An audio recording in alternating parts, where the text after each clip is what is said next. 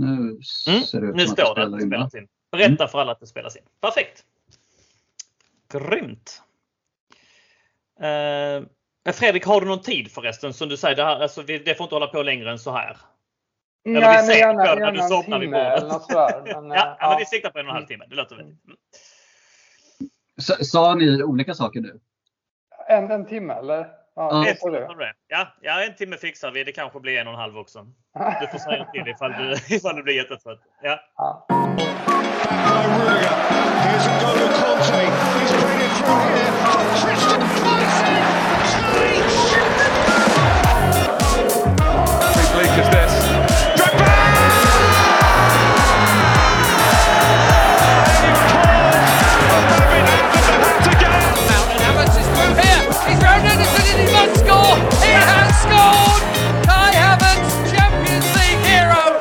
Vänner och välkomna till ett nytt avsnitt av Chelsea-podden Powered by CSS. Den enda svenska Chelsea-podden som är skapad av och som manövreras av Chelsea Supporter Sweden.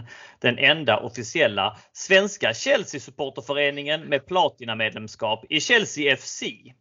Idag tackar jag Patrik Petko och panelen som gör ett fantastiskt jobb för att jag får lov att bryta in i detta beprövade fredagsformat. För med en öl i handen ser jag fram emot att snacka Chelsea ikväll. Ja, lite minnen, lite nostalgi, lite härliga tider långt, långt bort från nuet och det ska bli så kul, så kul, så kul. Jag som babblar heter Daniel Joannou, eller Donny. Din blåa bargäst mitt i den svenska virtuella Chelsea-puben. För det är så jag ser det. Vi är i en pub grabbar. Jag, en öl, två kära vänner och det är fredag. Och, och, och mina kära vänner jag pratar om det är de mycket erfarna och mycket kunniga CSS-arna Oskar Karlström och Fredrik Pavlidis. Hjärtligt välkomna grabbar! Tackar. Tack så jättemycket. Det är ju inte några obekanta namn eh, för er poddlyssnare, för i alla fall för er som har varit med länge. Eh, men för nya lyssnare kan vi väl ändå presentera oss lite grann. Eh, Oskar, lite snabbt, vem är du och vad är din relation till Chelsea? Ja, men som du säger så på något sätt så börjar jag väl bli ganska rutinerad i de här sammanhangen. För det är faktiskt eh, nästa år är det 25 år sedan jag såg min första Chelsea-match på Stamford Bridge. Eh, och det känns hisnande verkligen eh, Mm. att det är så länge. För jag har alltid liksom nästan sett mig själv som ung i de här sammanhangen. Men Ja. så, är, så är det ju helt plötsligt inte längre. Liksom. Vi har garanterat massa lyssnare som ja, men, var långt ifrån födda när jag såg min första match. Eh, Så jag börjar bli som de här gamla gubbarna som jag tyckte som snackade om 80-talet när jag liksom växte upp och var barn och tonåring och följde Chelsea. Så, Eh, ja, nej men så, följt Chelsea sen sent 90-tal, åkte på väldigt mycket matcher, bottensväng i London tidigare men nu på senare år har det varit ja, men familjeliv och annat som har varit hög prio. Men eh, eh fortfarande engagerad i CSF som biljettansvarig, en eh, position jag haft eh, under väldigt många år. Där är det i korta drag och ränderna går inte ur. Denna fredag sitter du trots allt i Chelsea-tröjan. Hjärtat bultar fortfarande. Det gör det ju. Men jag känner igen det där. Alltså helt plötsligt så är man den där snubben själv som snackade om det nostalgiska. Men vi gillade ju de snubbarna eh, så vi hoppas ju att... Oh ja, absolut. Jag, not, jag noterar att eh, Oskar redan har slängt in mig i facket gamla gubbar där. Ja, vad gör det dig då, Fredrik? Precis, Ja, ta jag vid, känner ta mig vid. väldigt träffad. Jag tillhörde ju det galet med eh, inte minst legendariska Harry Hemmy där från eh, forntiden som eh, Mm. höll igång lite med, med. Chelsea Supporter Sweden på den tiden. Det glada 90-talet fast ja, det går ju längre tillbaka så Harry väl ännu, ännu fler år tillbaka i mannaminnet. Precis, och du behöver egentligen inte någon eh, större introduktion Fredrik. En så eh, välrenommerad journalist driver headlines. Men, men lite kort då, relation förutom eh, Harry-vänskapen. Du Chelsea, vem är Pavlidis? Ja, men eh, ehm, har... Eh, ja, jag upptäckte ju Chelsea. Jag tillhör ju de som hakade på dem när de precis började välja sin nedfärd på 70-talet. Så att eh, jag var ju med om den biten med alla de mörka åren på 80-talet sen. Och eh, eh, man har ju eh, på det sättet startade man ju i en enda som kanske inte så många av, av supportrarna eh, som, som, följer Chelsea nu som har sett på kanske gjorde då. Mm. Det är ju också lite en, en, dimension till ibland kan jag tycka. Men, eh, Eh, så att jag, men jag, jag, har inte, jag har inte varit lika engagerad som eh, många andra, särskilt inte på senaste årtiondena, samtidigt som jag har haft bra koll genom mitt arbete som journalist eh, och just fotbollsjournalist så har jag ju eh, haft, eh, har jag ändå haft en viss närhet till oss genom er och eh, ehm, jag är ju ganska aktiv i en del Chelsea-forum, även engelska och sådär. Så att jag håller koll i alla fall. Ja men så är det. Och visst engagerar man sig fortfarande. Det eh, tror jag nog gäller för oss alla tre. För att eh, idag är vi här i alla fall. Myser. Vi ska öppna frågelådan och se var vindarna bär oss. Vi är redan och nallar på ämnena som ni lyssnare kanske märker. Förhoppningsvis eh, ska det bli lite bra diskussioner här. Vi har ingen egentlig agenda. Som sagt det är fredag kväll. Vi mår gött. Vi är tre polare liksom som har rest en del tillsammans som tycker bra om varandra. Vi ska bara babbla på lite grann. Och, och, och frågetråden vi hänvisar till är alltså utlagd på vår Facebookgrupp, CSS-podden-gruppen på Facebook. Tidigt i morse, där har verkligen öst in frågor. Vi tänker ta tag i några stycken. Och om det blir, blir läge har vi förberett lite quiz och sånt också eh, framåt slutet. Men ja, First things first. Jag tänker att vi börjar där och så börjar vi vår vana trogen med en skål. Och så välkomnar vi er till avsnitt 212 av Chelsea-podden by CSS.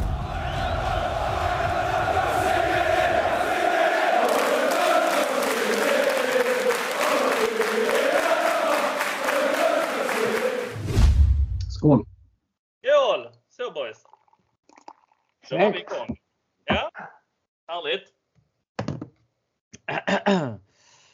Och eh, jag tänker väl att vi tar tag i det direkt. Många frågor, kul med många frågor, eller hur eh, grabbar? Det är alltid roligt när det är lite engagemang kring de här eh, poddavsnitten också. Vi har gjort detta lite då och då. Eh, det är faktiskt första gången vi bjuder in dig en så här på en fredagskväll, eh, Fredrik. Eh, mm. Känner, känner, du dig hedrad? Ja, det gör jag. Det gör jag. Och framförallt tyckte jag det var kul att eh, se um, ganska stor spridning på frågorna. Rätt, uh, ja. uh, mycket bra frågor, en del kluriga. Ja. Sådär som man fick tänka till lite. De jag har kollat där i alla fall. Mm. så att, får se om det dyker upp något annat som jag inte har koll på. Fantastiskt! Men jag håller med. Bra spridning, bra engagemang och det är alltid roligare. Eh, och jag tänker att vi börjar faktiskt med den första frågan som trillade in här på morgonkvisten. Albin Kristiansson. Sätt ihop, sätt ihop er favoritelva och en elva med de spelarna ni gillat eller gillar minst. Alltså med spelare då som representerat Chelsea genom åren såklart. Kriterierna kan vara helt upp till er, säger han. Eh, och det behöver liksom inte baseras på prestationer på plan. Så att det, det är lite, lite kult om man vill det, lite ren talang om man vill det och så då en elva med rent urusla spelare. Eh, eller hatspelare om man vill det då. Så att eh, jag bollar över den till dig först Oskar. Ja, absolut. Fredrik verkar sugen på att säga något. Eller ja. Nej, jag, jag tänkte bara om eh, ska man eh, gå igenom en och en, eh, både bästa ja, och värsta, eller ska vi ta alla tillsammans, liksom en position och gå vidare? Eller, ja, men vi, ska vi, vi köra bästa, vi kör mm. bästa så kör vi position för position. Låter det rimligt? Mm så kan det bli lite diskussion. Men vi passar så att det inte blir för långrandigt för det här skulle kunna vara ett helt avsnitt. Eh, ja, det är, jag skulle kunna sitta här i timmar kring en mm. sån här grej. Faktiskt, men jag tycker ja. det är så kul så jag är så taggad. Men ja, vi kör. Ja. Oskar, vem har du i mål? I favoritelvan har jag, eh, vilket på ett sätt är lite motsägelsefullt med tanke på vad den här spelen gjorde efter sin Chelsea-karriär. Men jag har Carlo Cudicini i mål som min, min mm. absoluta favorit Chelsea-målvakt genom tiderna. Yes. Ja, och, eh, riggar du den eh, Pavlidis? Faktiskt så hade jag den uppe för, som eh, idé också. Men eh, mm. jag, jag föll till slut tillbaka på ett klassiskt val som Peter Bonetti av eh, flera skäl. Ehm, man har ju eh, man blir så varm när man tänker på honom och sen så mm. träffar vi honom här också på, på äldre dagar och, och eh, det finns liksom, det var ändå, en, jag måste ha med några från de om jag ska ta med någon, någon, spelare från första tiden när jag såg Chelsea så eh, är det han och en spelare till som jag kommer att ha med. Ja, jag förstår. Jag misstänker nästan att jag vet vem eh, den andra spelaren är. Men bara utveckla att vi träffade, alla tre var med på den Chelsea-träffen år 2000. Oskar, du som kan alla år i huvudet. 2012 var det här. 12 var det ja. Eh, Bonetti och Harris på en pub i Stockholm kom och träffade oss. Och, extremt fin man. Peter Bonetti Ja, finns ju en bild med oss alla tre också och, och, och honom och några till CSS-aren. Um, bortgången, var det förra året eller förra året igen? Ja, men ganska nyligen här som han Ganska var borta. Mm. Men, eh, och en väldigt duktig målvakt. eh, Lite landslagsmeriterad också på den tiden, eller hur? Ehm, The Cat och ingen Det annan. känns- Ja. Ja. Ja. Nej, två stycken bra shout. 70-VM. Det var, det var hans eh, dilemma där. Så han, eh, han kom ju aldrig tillbaka riktigt från det i landslagssammanhang. Men, eh, men trogen Chelsea i alla år och så vidare. Ja. Vem har du då? Ja. Ja, jag har faktiskt Peter Käck. Och, Mm. eh, jag, jag tänkte först ha en kultmålvakt som, alltså den här första liksom, eh, som jag fick upp ögonen för i det lag som, som jag började älska och det var ju Ed de Goy. Han kunde göra sådana vansinniga räddningar och sen kasta in bollar. Så att han har ett, en viss plats i mitt hjärta ändå. Sen var jag inne på Cudicini men så kunde jag inte bortse från att eh, allt det då Käck betydde för Chelsea över ett decennium med så många hållna nollor och, och eh, hur han gjorde liksom Stamford Bridge till ett fort på 00-talet. Eh, och eh, landade i att det är vår bästa målvakt. En av förmodligen Premier Leagues bästa målvakt genom alla tider. Så, så, jag, så jag föll tillbaks på honom. Så, Mm. Tre bra shouts ändå får man ju säga. Jag köper alla men ändå lite spretigt här inledningsvis. Ja, men det är bra, för det är ändå så enkelt att det blir väldigt, eh, väldigt mycket samsyn i sådana här frågor. Ja. Det är ju Ja. det är ett par namn som vi garanterat kommer att ha med alla, alla tre. Eh, tänker. Ja, Så det är bra att vi har några namn som varierar lite också. Absolut. Eh, Jag tänker vi, gör så, vi dammar av hela backlinjen direkt då. Och men då, då, då eh, lämnar jag över bollen till dig då Pavlidis först. Jaha, okej. Eh, ja, jag hade lite svårt med, med eh, högerback här. Uh, Mm. Valde mellan, egentligen mellan Ivanovic och Aspilicueta. Mm. Eh, s- stannade i slutändan vid Ivanovic och sen så tar Mm. jag mittbackar så eh, tar jag det, jag kan inte komma ifrån John Terry ändå för allt. Och sen det- så kommer mer udda valet då Mickey Droy. Och det är ju Mhm. väldigt personligt då därför att han, han var en sådana här spelare som man såg på tv och beundrade. Han hade liksom eh, han hade gigantiska lår, eh, stor eh, liksom ah, ah, han var ju ett träben mer, men, men mycket hjärta, mycket vilja, mycket kraft. En, en egens, egenskaper som jag har beundrat hos spelare som inte alltid har varit liksom, glänst. Men, men det fick bli han i alla fall före... Mm, jag valde mellan honom och Ron Chopper Harris som också hade kvaliteter som inte var i skönspelet. Och sen till vänster på vänsterbacken eh, tror jag eh, Graham Lussau. Mhm. Ja, fan vad intressant. Eh, jag tar över där då för att jag, jag gjorde så här. eh, Vår är rätt lik där måste jag säga. Vi har ju tre av fyra samma. Mhm. Eh, det enda jag gjorde var att jag tryckte in Ivanovic i mitten. Jag vet Ja, okej. om att, eh, att han var bäst som högerback, men bara för att få in honom i laget. Och han har en speciell plats i mitt hjärta också. Jag och Oskar träffade honom och delade ut ett diplom till honom vid ett tillfälle. Eh, avgjorde Europa League-finalen på den där fantastiska nicken. En match som vi alla tre såg på plats i Amsterdam. Eh, fantastisk eh, back, men egentligen bättre som högerback såklart. Men jag måste ha in Aspilicueta också. Alltså med hans, han, jag tycker han har förtjänat legendstatus här på senare år. Det, är alltså, Ja. det blir så lätt att de får legendstatus långt efter att de har slutat och att man liksom då hyllar det. Jag är villig att hylla honom redan nu. Det är ändå liksom lyft Champions League för oss och, och varit så instrumental under ett decennium också. Så att, ja, jag tycker han var värd en plats där. Så att jag, jag tryckte ut Aspi där, tryckte in Ivanovic, Terry och så har jag också Lesor för han är också en Ja. symbolspelare för mig för det här uh, Chelsea som jag blev riktigt kär i på sent 90-tal och början av 00-talet. Och, och det ruffa, hårda och de onödiga röda han kunde ta liksom. Alltså där fuck all inställningen och samtidigt då varva det med helt fantastiska prestationer och, och eh, briljant fotbollshjärna. Och, nej, alltså det är också en, en spelare som tilltalar mig på alla sätt. Oskar?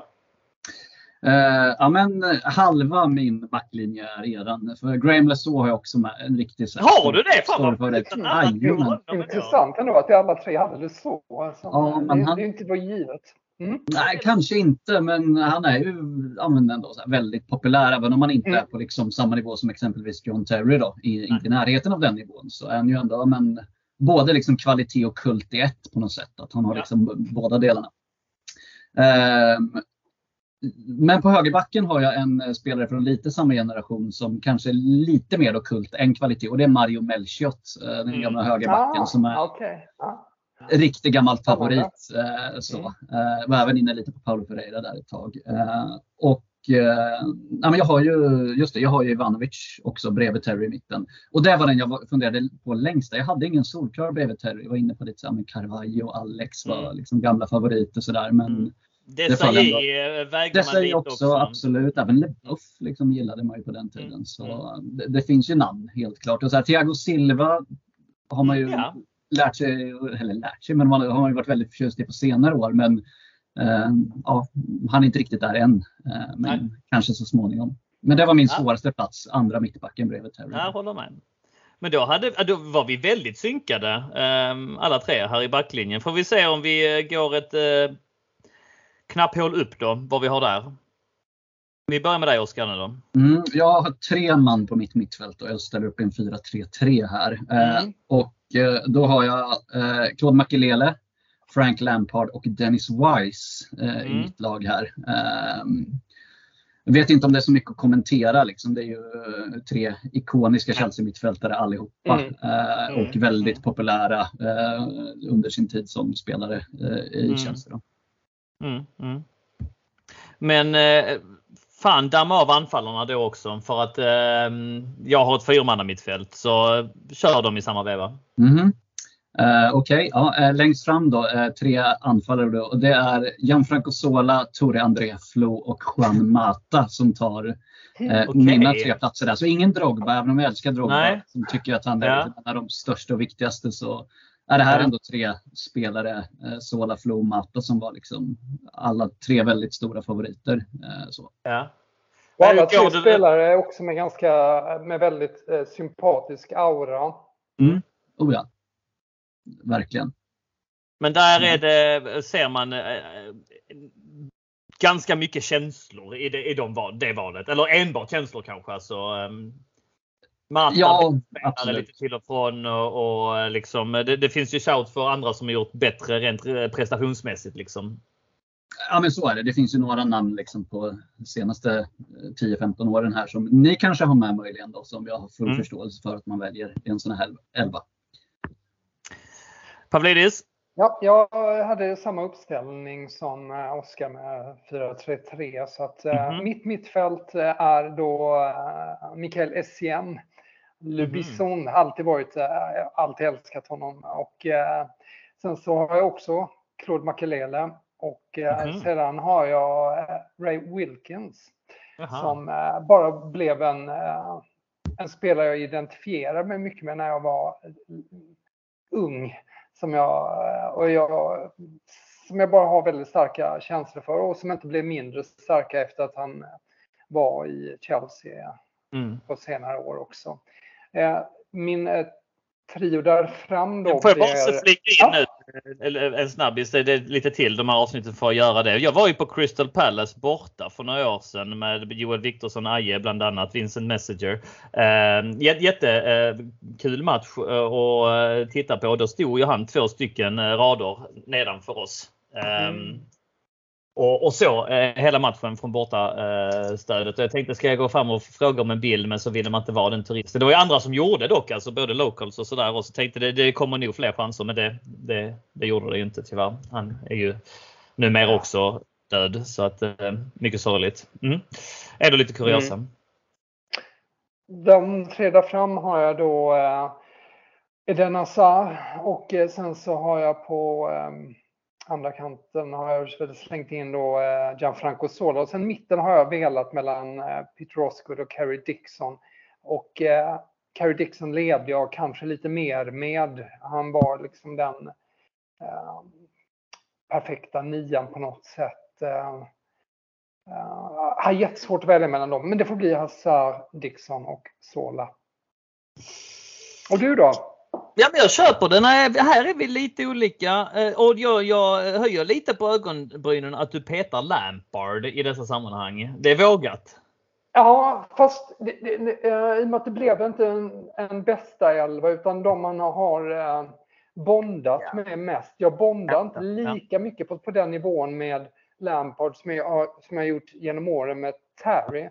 Nej. Och eh, jag har eh, jag har, jag har liksom eh, de känslorna, de jag, jag har levt närmare på något sätt emotionellt har ju varit och som ändå har liksom utstrålat mycket, Chelsea betytt mycket då. Eh, då på det, ur det perspektivet så kommer jag närmare Essien, Makelele och eh, Wilkins. Ja, men jag köper den. Jag, jag, jag, jag, jag hör dig och jag resonerar likadant när jag tar ut mitt anfall exempelvis. Men jag har en fyrback, eller fyr, ett fyrmanna mittfält. Robben på vänster, Lampard och Wise i mitten och Hazard på höger. Och så har jag Sola och Hasselbank längst fram.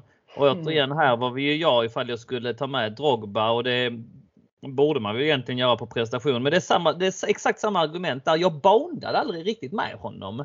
Det var lite där alltså hans första tid i klubben. Jag tyckte han la sig ner hela tiden. Det var lite hans ja. eviga flört med Marseille som jag inte gillade riktigt. Han kändes ibland lite, det var några skumma citat där till en början med också.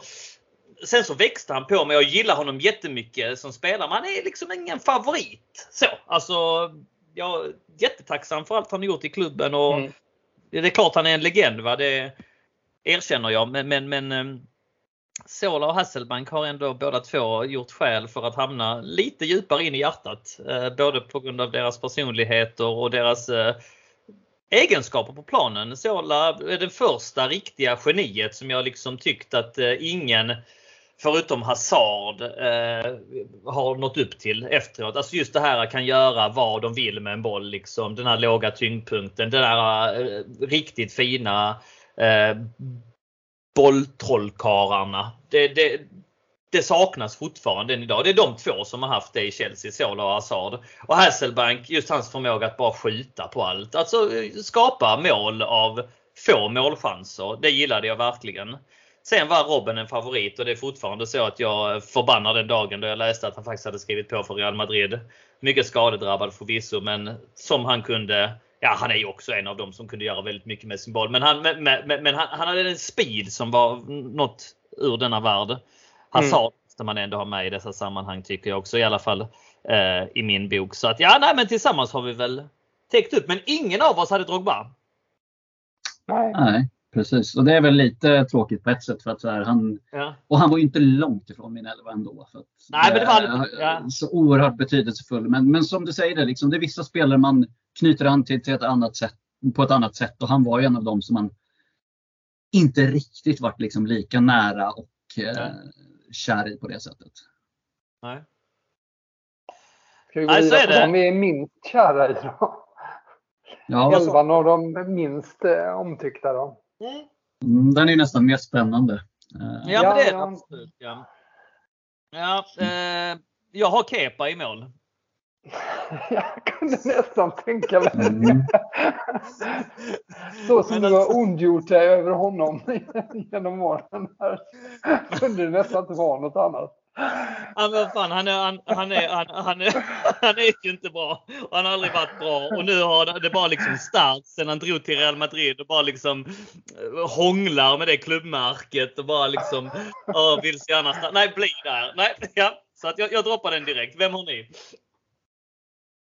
Um, en annan som drog, som drog till Real Madrid. Jag har Courtois i mitt uh, mål här. Såklart en jättebra mm. målvakt för Chelsea, men men verkligen en spelare som jag aldrig tog till mig riktigt även under hans tid i Chelsea. Uh, vet inte riktigt varför. Men sen, ja men det var ju ganska infekterat där när han stack. Och, mm, mm. Ja, ja, men man har liksom inte bortsett. Alltså, han har ju en ganska kall personlighet, har han inte det? Alltså, inte för att man känner honom, men liksom, han har ju inte haft utstrålat någonting någonstans där jag, jag har läst eller sett honom heller riktigt. Han, han är inte lätt att... Det var inte Alltså, och sen så lämnar han på det sättet. Det, jag, mm. och jag, jag, jag, hade också honom i, i tankarna. Valde i mm. slutändan mm. Dave Bessent dock. dock för att, ja, han, han störde mig så mycket genom eh, åren. Eh, ehm, så eh, jag vet inte, jag retar mig med allt med honom bara. Det, det är lite orättvist. Han, det var, det var, han var ju målvakt under en tid när Chelsea inte heller var så bra. Men han gjorde dels några tavlor som var makalösa och dels hade han också, hamnade också i någon slags utstrålningsgrej där som det fixade inte riktigt honom. Ja, ja. Intressanta shouts allihopa. Oskar, gå igenom din backlinje.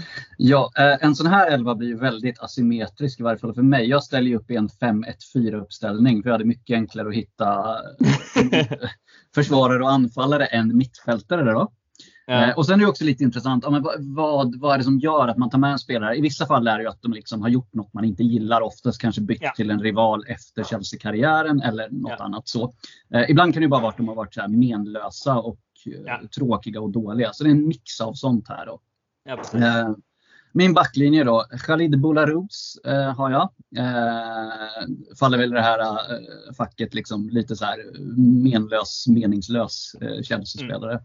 William Gallas, jättefavorit under tiden i Chelsea men svartade ner sitt rykte totalt genom att gå först till Arsenal då, och sen vidare till Tottenham. Eh, Winston Bogarde, Kurt Zuma och det var främst för liksom, ja, men typ när katten han sparkade när han häromåret som spreds viralt. Eh, och eh, Felipe Luis får jag in där också bara på grund av att ja, men så här, det vart ingenting av honom i Chelsea som man är lite ja, jag vet inte, inte besviken riktigt men att så här, en spelare man inte liksom hann ta till sig alls. Skrällarna Gallas och Bogard, har du dem också Pavlidis? Nej, alltså, jag, jag hann inte riktigt klart med jag ska vara ärlig här med min värsta elva. Men jag hade med, jag hade med Bolarus och Bogarde i min backlinje. Det var så långt jag kom ungefär i den. Jag, eh, till skillnad från eh, Oskar, det svåra faktiskt att hitta backar. Jag verkligen, eh, David Lee, sådana här som var liksom menlösa. Eh, dåliga kan jag komma på, men inte, men inte, eh, jag hade svårt att hitta de där riktiga fullträffarna som eh, back, eh, backar som jag ogillade, bortsett då i första hand givetvis från Bogarde. Eh, ja, Bogarde gillade man ju absolut inte. Eh, Bolaros han var väl med menlös, hade väl ingenting så. Det var så konstigt att han sprang runt med nummer 9 på ryggen också mm. minns jag. Det var, alltså, det var ja men det här... bidrog ju här i det här sammanhanget. Att man kommer ihåg random som... liksom. Ja. ja. Men jag har en annan där som jag tryckte ut på vänsterbacken. Jag hade Asien Del Horn lite grann av samma anledning att han, ja, han gjorde väl ingenting. Han, eh, han tog ett rött på Messi vid ett tillfälle där. Och, ja, men det ligger ju i hans plusvågskål den. Ja, det gör Tacklingen med hörnflaggan tycker jag. Jag tycker den räddade honom från... Jag hade honom i eh, tankarna och kickade Lucas och sådana som var lite menlösa. Ja. Men, men äh, jag, jag valde honom just på grund av... Ja, ja. Men visst slutade det att vi förlorade den matchen, minns du det? Att, ja, jo, ja. Jag vet det, men det var... Jag vet inte, det var, någon, Ändå värt det. det var min onda sida som talade där. Ja, jag förstår. Ja. Ja, jag hade ju också Gallas och Bogard eh, som mittbackar. Sen så hade jag Panucci som högerback. Är, det, är den kontroversiell eller? Alltså han kom eh, så hypad och han skulle vara så bra och han såg bara så jävla loj ut och eh, gjorde en handfull matcher och var liksom halvskadad och sen så drog han tillbaks. Ja, jag, jag tycker då, ja, han hade ju sin ständigt, det var ju lite där man ret sig på, han var alltid välkammad och såg ut som han inte gjorde någonting. Nej men precis, han kanske ja. gjorde något men det minnena är att han inte gjorde någonting. Att han liksom ja. var dryg lite. Att han, alltså, hela, alltså, han var liksom, han kom från Inter där han ändå hade haft någon central roll och så. Det kändes som att han liksom inte riktigt ville, ville vara där. Mm. Mm, ja, men det är väl, jag förstår tanken, eh, även om jag inte själv hade alls en tanke på just honom där. Nej. Ja, vi kliver upp till mittfältet då. Eh, ja, jag gör så att jag börjar. Jag har, jag har två stycken som jag tror är inte särskilt kontroversiella och så har jag två stycken som jag tror är lite kontroversiella. Jag har Poirier. Och eh, det är för att jag tyckte om honom väldigt mycket och att han drog på ett väldigt konstigt och smutsigt sätt och så sen så han gjorde han ett mål vid ett tillfälle och pussade Tottenham klubbmärket också. Och det, bara, det blev bara för mycket efter allt Chelsea hade gjort för honom. Så att där hamnade han på min dödsbus direkt alltså. Jag kan inte förlåta honom för det. Sen har jag Jokanovic, mest för att han var så jävla dålig. Eh, och de två är, är inte så kontroversiella. Sen har jag Mason Mount på vänstermittfältet och den kanske man kan rygga på. Men av samma anledning. Att jag tyckte om honom väldigt mycket och han, han oss i min bok svartat ner allt med sättet han, han drog på. Och ja, det finns säkert anledningar till det. Men jag köper inte dem. Och sen så eh, ytterligare på innermittfältet. och här vet jag om att eh, några kommer hålla med mig och en del kommer inte hålla med mig. Eh, men jag har John Obi Mikkel där.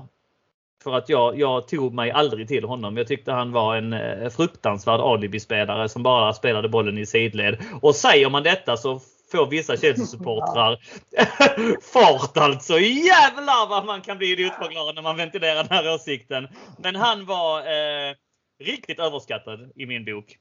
Ta vid Pavlidis ja, mitt blev också något slags mischmasch av spelare jag inte tyckte om, spelare jag blev besviken på. Eller, och, eh, jag har ett, ett, fyrmanna mittfält eller något sånt här. Jag har mm, Gabriele Am- Ambrosetti. Kommer ni Mm. ihåg honom? Mm. Italienska Ryan Giggs. Um, han, kallas- han, han var ju, han var ju det, det är bara en sån här som har fastnat någonstans. Jag tror han gjorde ett mål när vi slog eh, Galatasaray med en massa mål nere i eh, Istanbul. Mm. Men, men, eh, men i övrigt var han totalt värdelös. Eh, övrigt mittfält här, Bernard Lambour som också var bara dålig. Danny Drinkwater. Ja. Jag förtjänar en plats. Eh, och sen så tog jag en annan svensk spelare som jag bara retade mig på. Som var liten och irriterande. Ehm, och som dessutom valde Cotton Eye Joe som initieringssång. Marco Marin. Jaha. ja, Det är, ja. det är många liksom faktorer där som gör att jag inkluderar honom i mitt lag. ja, nej, han fick inte riktigt den lysande framtiden han spåddes. Ja. Oskar? Ehm, ja, nej men, eh, bra och intressanta val och eh, jag förstår mycket väl vad du är inne med där på Gustavo Poirier, liksom en jättefavorit i Chelsea, gjorde den här förbjudna flytten till Tottenham. Alltså lite samma som William Gallas, men för mig tog Gallas mycket hårdare eh, så att han Mm. flyttades över på den här liksom väldigt negativa sidan. Och jag vet inte om det var för att det var, var det, fem år senare och att Ja, men, ehm, Ja. mm, ja, jag var väl fortfarande liksom ung och oförstörd när Poirier lämnade. Så Ja. att, Ba- Bara en parentes där också. Just, det här är så jäkla intressant det där hur, hur olika sånt kan ta när man Mm. gör en förbjuden flytt. Man ibland själv, liksom, man vet att, att, att det inte är bra att man har gjort men ibland så är det liksom så starkt emotionellt förknippat medan andra inte har den. Och det kan vara väldigt olika på olika spelare som ni hade här med, med Gallas och Poirier. Förlåt. Mm. Nej, men, nej, men så är det verkligen. Eh, Det, man är ju inte rationell kring det där. Och som sagt, jag hade Curicini, min favoritdelva. Han gick också till Tottenham. Det var lite under andra omständigheter när han hade liksom suttit Mm. bänk i Chelsea i flera säsonger och var gammal i slutet av karriären och sådär. Men man är väldigt olika liksom, när, vilka Mm. flyttar man accepterar och inte på Ja. det sättet. Um, Check gick till Arsenal, har inte rubbat hans legendstatus på något sätt heller. ja, exakt. Nej, men och Gudjonsen var en vända i Tottenham också och så vidare. Alltså, det finns många exempel på dem som det inte alls har påverkat. så. Eh, Men jag har bara en gubbe på mitt eh, mittfält och den eh, är säkert jättekontroversiell. Men det är eh, faktiskt Jorginho. En spelare som jag aldrig tog till mig. En spelare som för mig varit symbolspelare för hela det här liksom Sarri tjafset som var och liksom fientligheten inom Chelsea-supporterleden mot Sarri och sådär. Och, ja, men och sen stack till Arsenal. Och så, här. så nu lägger jag jättestor vikt vid att han gick till Arsenal. Det gjorde jag inte med till exempel. Så, eh, Ja, Intressant val. Jag, jag, jag kan känna med det valet också nu i efterhand. Att, Ja. Ja, Mm. lite. Ja. Nej, jag har faktiskt inte riktigt... eh, Jag har iggat den. Den har inte påverkat mig så mycket. Ja, ja. Men ändå intressant, absolut. Mm, jag var inne på Mason Mount lite också som, som du var, men det känns, alltså, ja, jag vet inte riktigt. Det, too soon på något sätt. Man, kan, Nej, man kanske omvärderar den om några år och ser hur det går. Alltså, så här, fortsätter det gå så uselt för honom i Man United, då, ja, då kanske det inte är så farligt. Tänker jag. Nej, ja. Nej, men så är det ju. Eh, Fan, eh, fick jag hugg för Mikkel eller vad, vad, vad, vad säger ni där? Eh, jag- har mer blandade känslor. Jag- har, det är också en sån här grej. Men det finns ju de spelare, såna här spelare som man känner att man har inom citationstecken upptäckt. Eh, Ja. Mikael var en sån där. Jag, jag, såg honom tidigt när han, eh, han slog igenom den här ungdoms, eh, var det VM, va? där han ju då blev utsedd till näst bästa spelare efter Messi eller vad det var. Då var han ju en offensiv mittfältare. Då hade jag koll mycket på afrikansk fotboll och sånt där. Så jag kände lite att det där är min gubbe liksom. Så jag, Mm. jag, jag eh, gillade ju honom verkligen eh, initialt. Sen blev han ju en annan typ av spelare.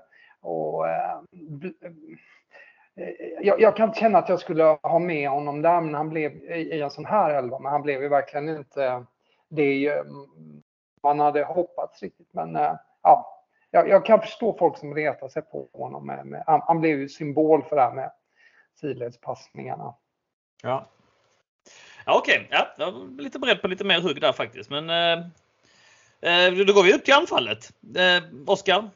Mm, ja, jag har fyra gubbar här då, eftersom jag har lite konstig elva. Eh, då är det eh, Aubameyang har jag med. Alltså så här, på tal om menlöst och totalt meningslöst. Alltså så här, honom skulle vi ha värvat Ja. fem år innan eller något sånt där. Och bara Ja. det kändes bara fel liksom, när han spelar i Chelsea. Eh, Ja. så. Ja, Lukaku för liksom tjafsen senaste åren här. Eh, Mutu eh, som var en jättefavorit och sen ja, men, sket det sig ju fullständigt eh, för honom. Eh, och Pato som också var så här, vad gör han ens här? Liksom. Det, också fem år för sent. Och så där. Ja, ja. ja, vi har några sådana alltså. Ja, Falcao hade jag också, han är precis utanför elvan. Det är liksom samma Ja. kategori där. man hade kunnat ha med. Ja, det stämmer.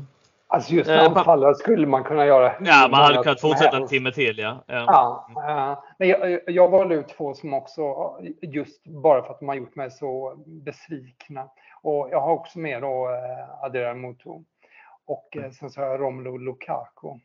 Mm, ja. Som också var, ja det har, det har varit för mycket liksom. Och just den här kontrasten av att jag tyckte väldigt mycket om honom initialt som spelare och dessutom en, liksom en, en intelligent människa. Och, och sen så allt han har gjort och så hur han har uppträtt. Nej, det, det, fan vad besviken. Jag- blir upprörd bara jag tänker på honom nu.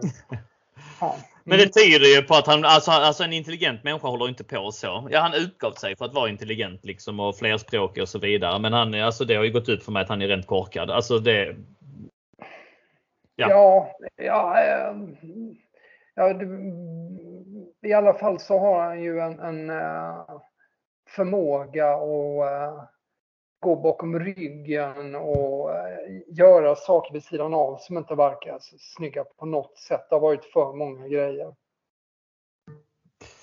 Ja, jag håller med. Jag har faktiskt också Mutu och Lukaku och jag tänker att med det så Mm. stänger vi eh, den här frågan. Alltså det tog bara 25 minuter. men, Ja, men det var ju väntat att den skulle Ja, bli, ja, eh, absolut. absolut. lång. Jävligt roligt eh, dock alltså. Många intressanta namn och ni får jättegärna droppa i eh, tråden här som vi lägger ut Mm. ifall ni håller med oss eller ifall ni inte håller med oss.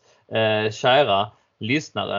Eh, det är ju trots allt för er vi gör den. Men jag tänker att vi stänger den boken med det och att vi går vidare på nästa fråga. Oskar, tar du någon från eh, hatten? Eh, ja, men vi har en fråga här som är jättesnabb att svara på. Vilken anfallare från tiden innan Roman skulle ni plocka in i dagens lag? Och då säger jag alla.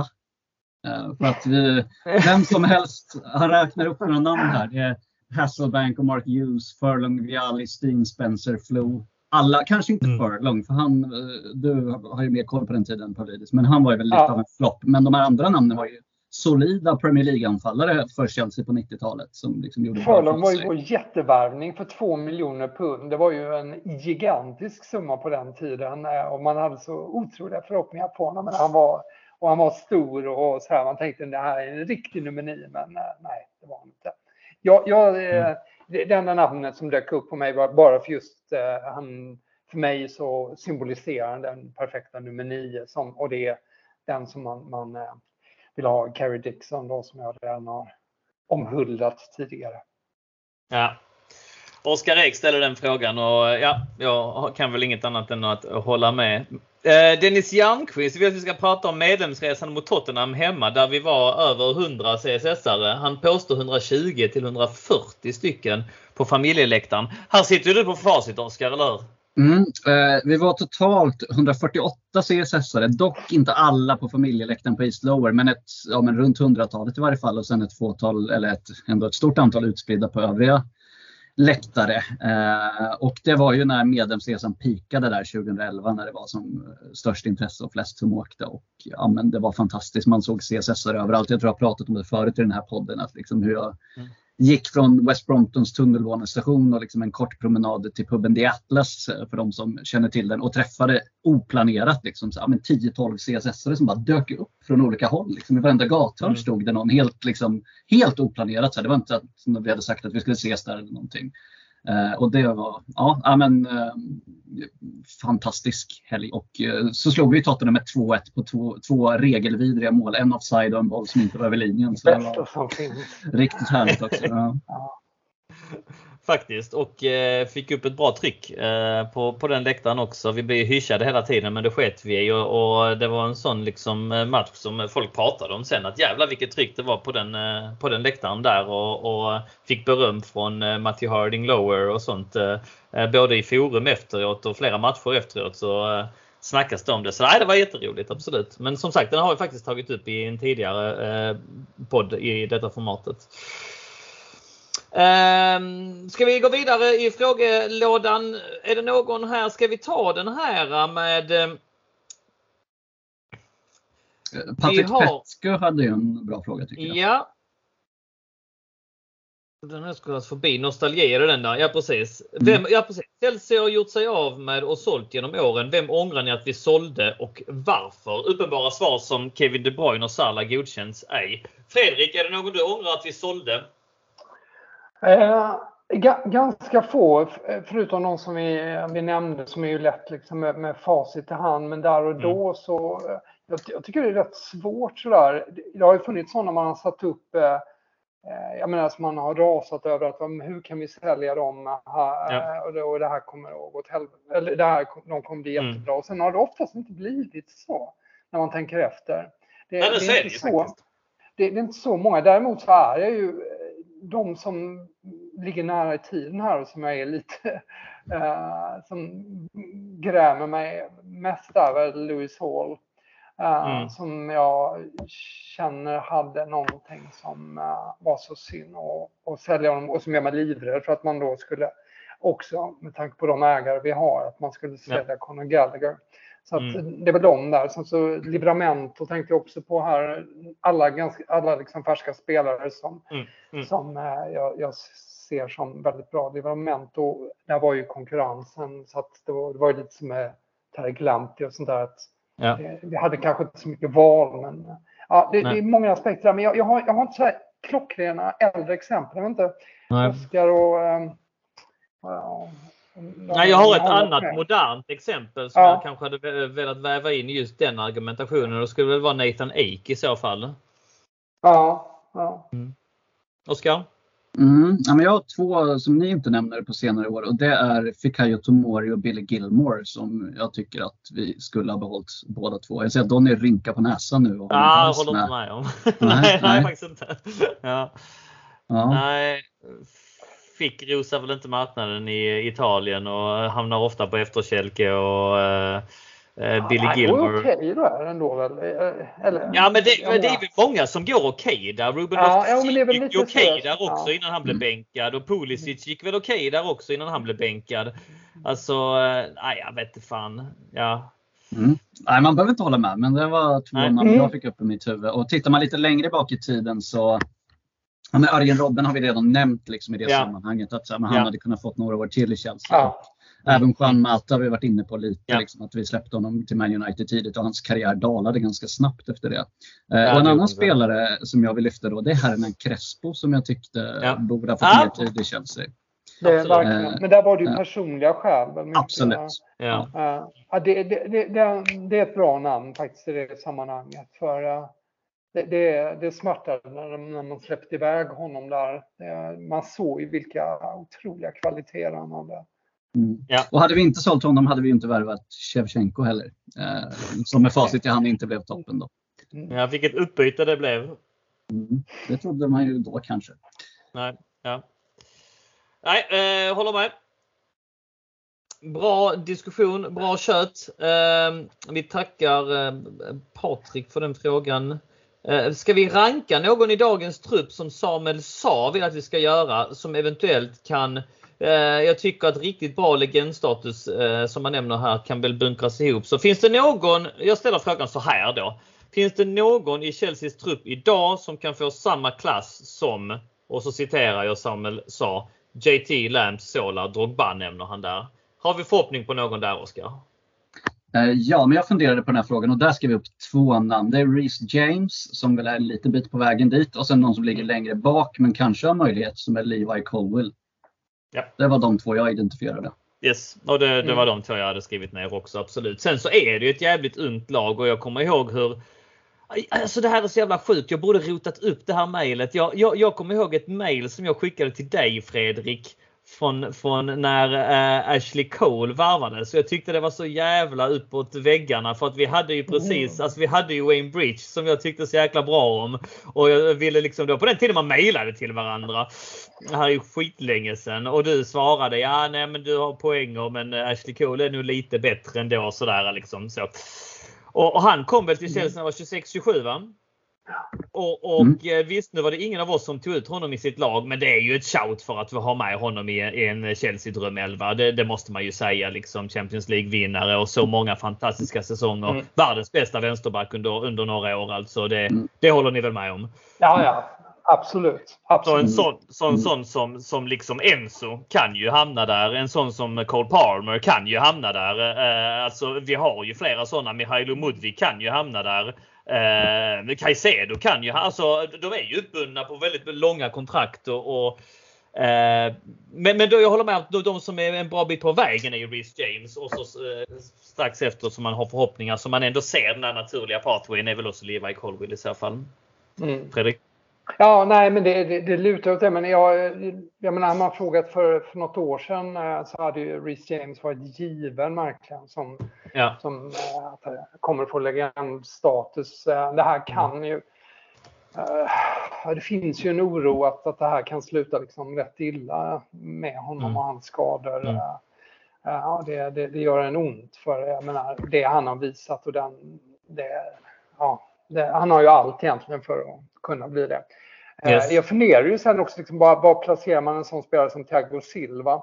Han kom jag, jag vet inte om han blir liksom en legendar. Det är lite för, kanske för kort tid och, Mm. och lite för många dåliga år som Chelsea haft under tiden han har varit här. Men någonstans, jag vet inte, dragning kanske åt kultspelare där som jag för övrigt ser lite Mudrik kunna bli. Han är Mm. verkligen ömsom vin, ömsom vatten. Så här.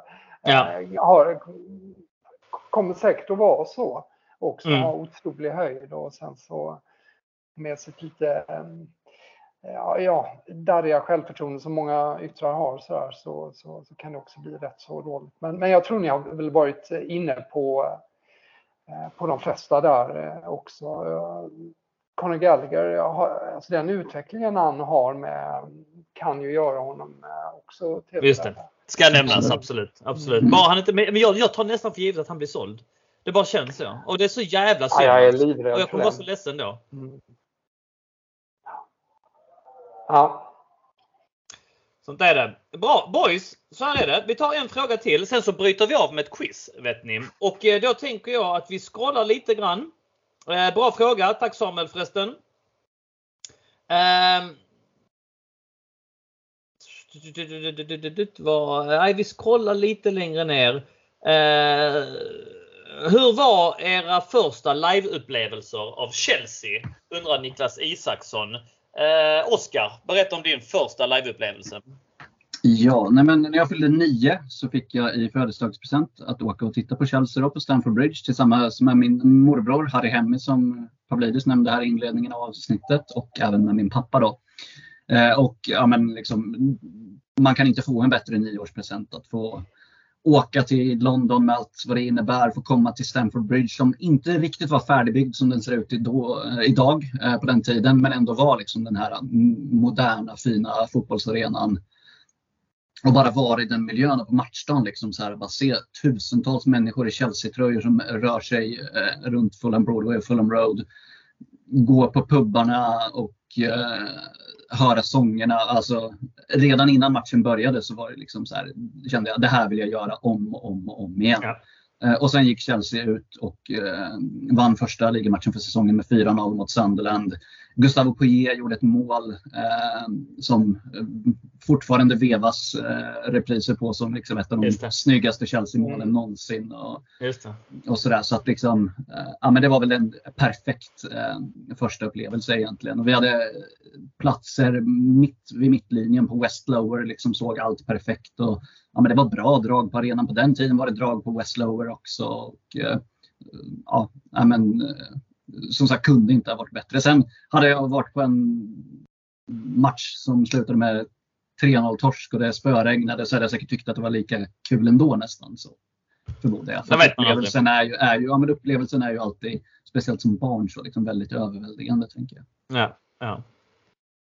Fredrik? Ja, min eh, första liveupplevelse var ju, eh, den, den, var ju tidigt. Däremot var jag ju ganska sen egentligen med att se Chelsea på, eh, på Stamford Bridge. Men min allra första Chelsea-match var faktiskt, och det har jag skrivit i min profil där, så därför på, på engelska Chelsea-forumet, så därför kommer jag ihåg det utan till 10 augusti 1980. Försäsongsmatch mot Panathinaikos i, i Aten. Nej, vad häftigt på allvar. Ja, Ja, det, och det, det, är en otroligt stark upplevelse på, på många sätt. Jag, jag råkade se, jag kunde grekiska, min pappa är ju då grek, och jag, jag läste liksom baksidan av hans tidning så kunde jag urskilja då eh, att det stod Chelsea då, eller som man skriver, man skriver med TZ i grekiska. Chelsea. ja, det är samma som det heter James Bond, det heter inte James utan James Bond.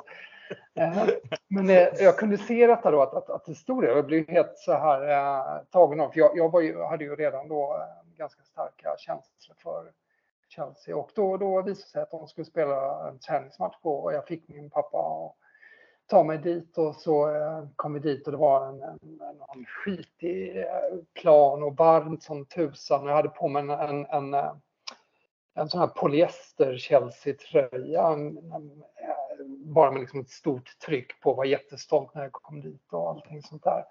Och Chelsea var så jäkla dåliga. Alltså. Uh, och de fick stryk med 2-0 och uh, ja, men, alltså, jag, jag, jag, har ju, jag har ju startelvan där. Isles, Chivers, Sully, Langley, Droy, då, Pace, Viljoen, Fillery, Johnson, Frost, Rhodes, Brown. Det är inte världsnamn när vi pratar om det här direkt.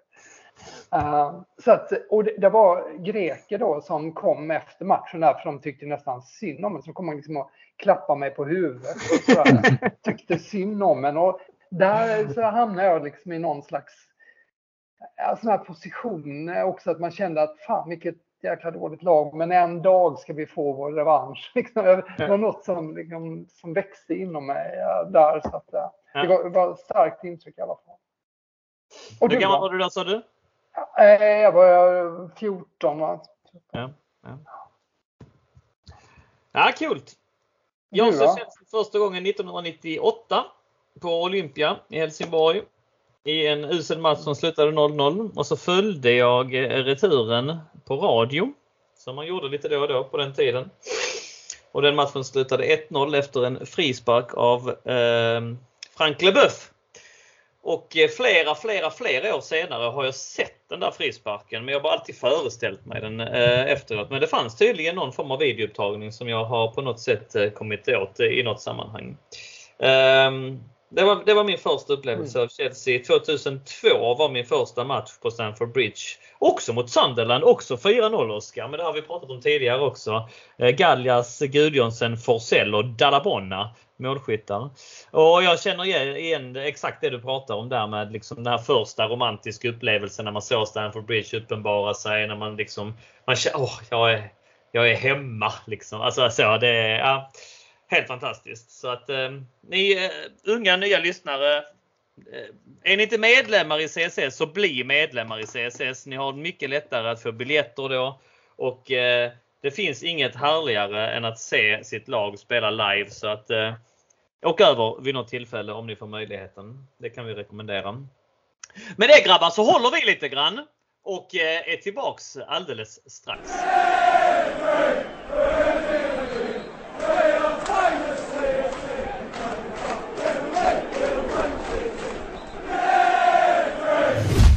Då är vi tillbaka och vi kommer slänga oss in i ett eh, glödande quiz och jag är nyfiken på denna för att så här är det mina kära vänner. Vi har två stycken riktiga eh, Chelsea-orakel. Bam, bam, bam, bam. Ni bygger upp stämningen direkt.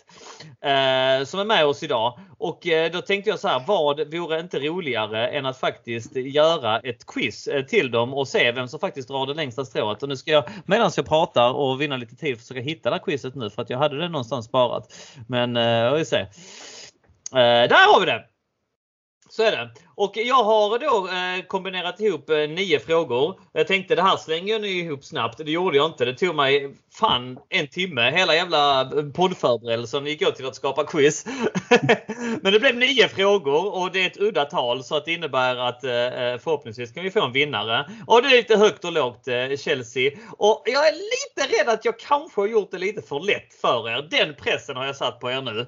Så att eh, jag tänker så här. Jag ställer frågan. Eh, jag ser på er eh, här på Skype också. Ni får absolut inte googla. Jag ser ifall ni gör det.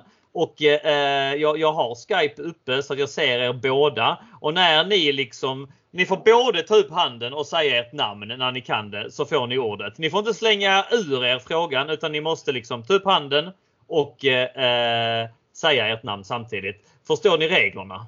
Och jag kommer att skylla på min ålder om jag är långsam. ja, det får du göra. Men eh, jag ska säga dig så här. Favoritskapet är till dig med din ålder. Eh, så att eh, ja. Ja, jag, En jag och eh, favoritskapet definitivt 45 på har du i odds.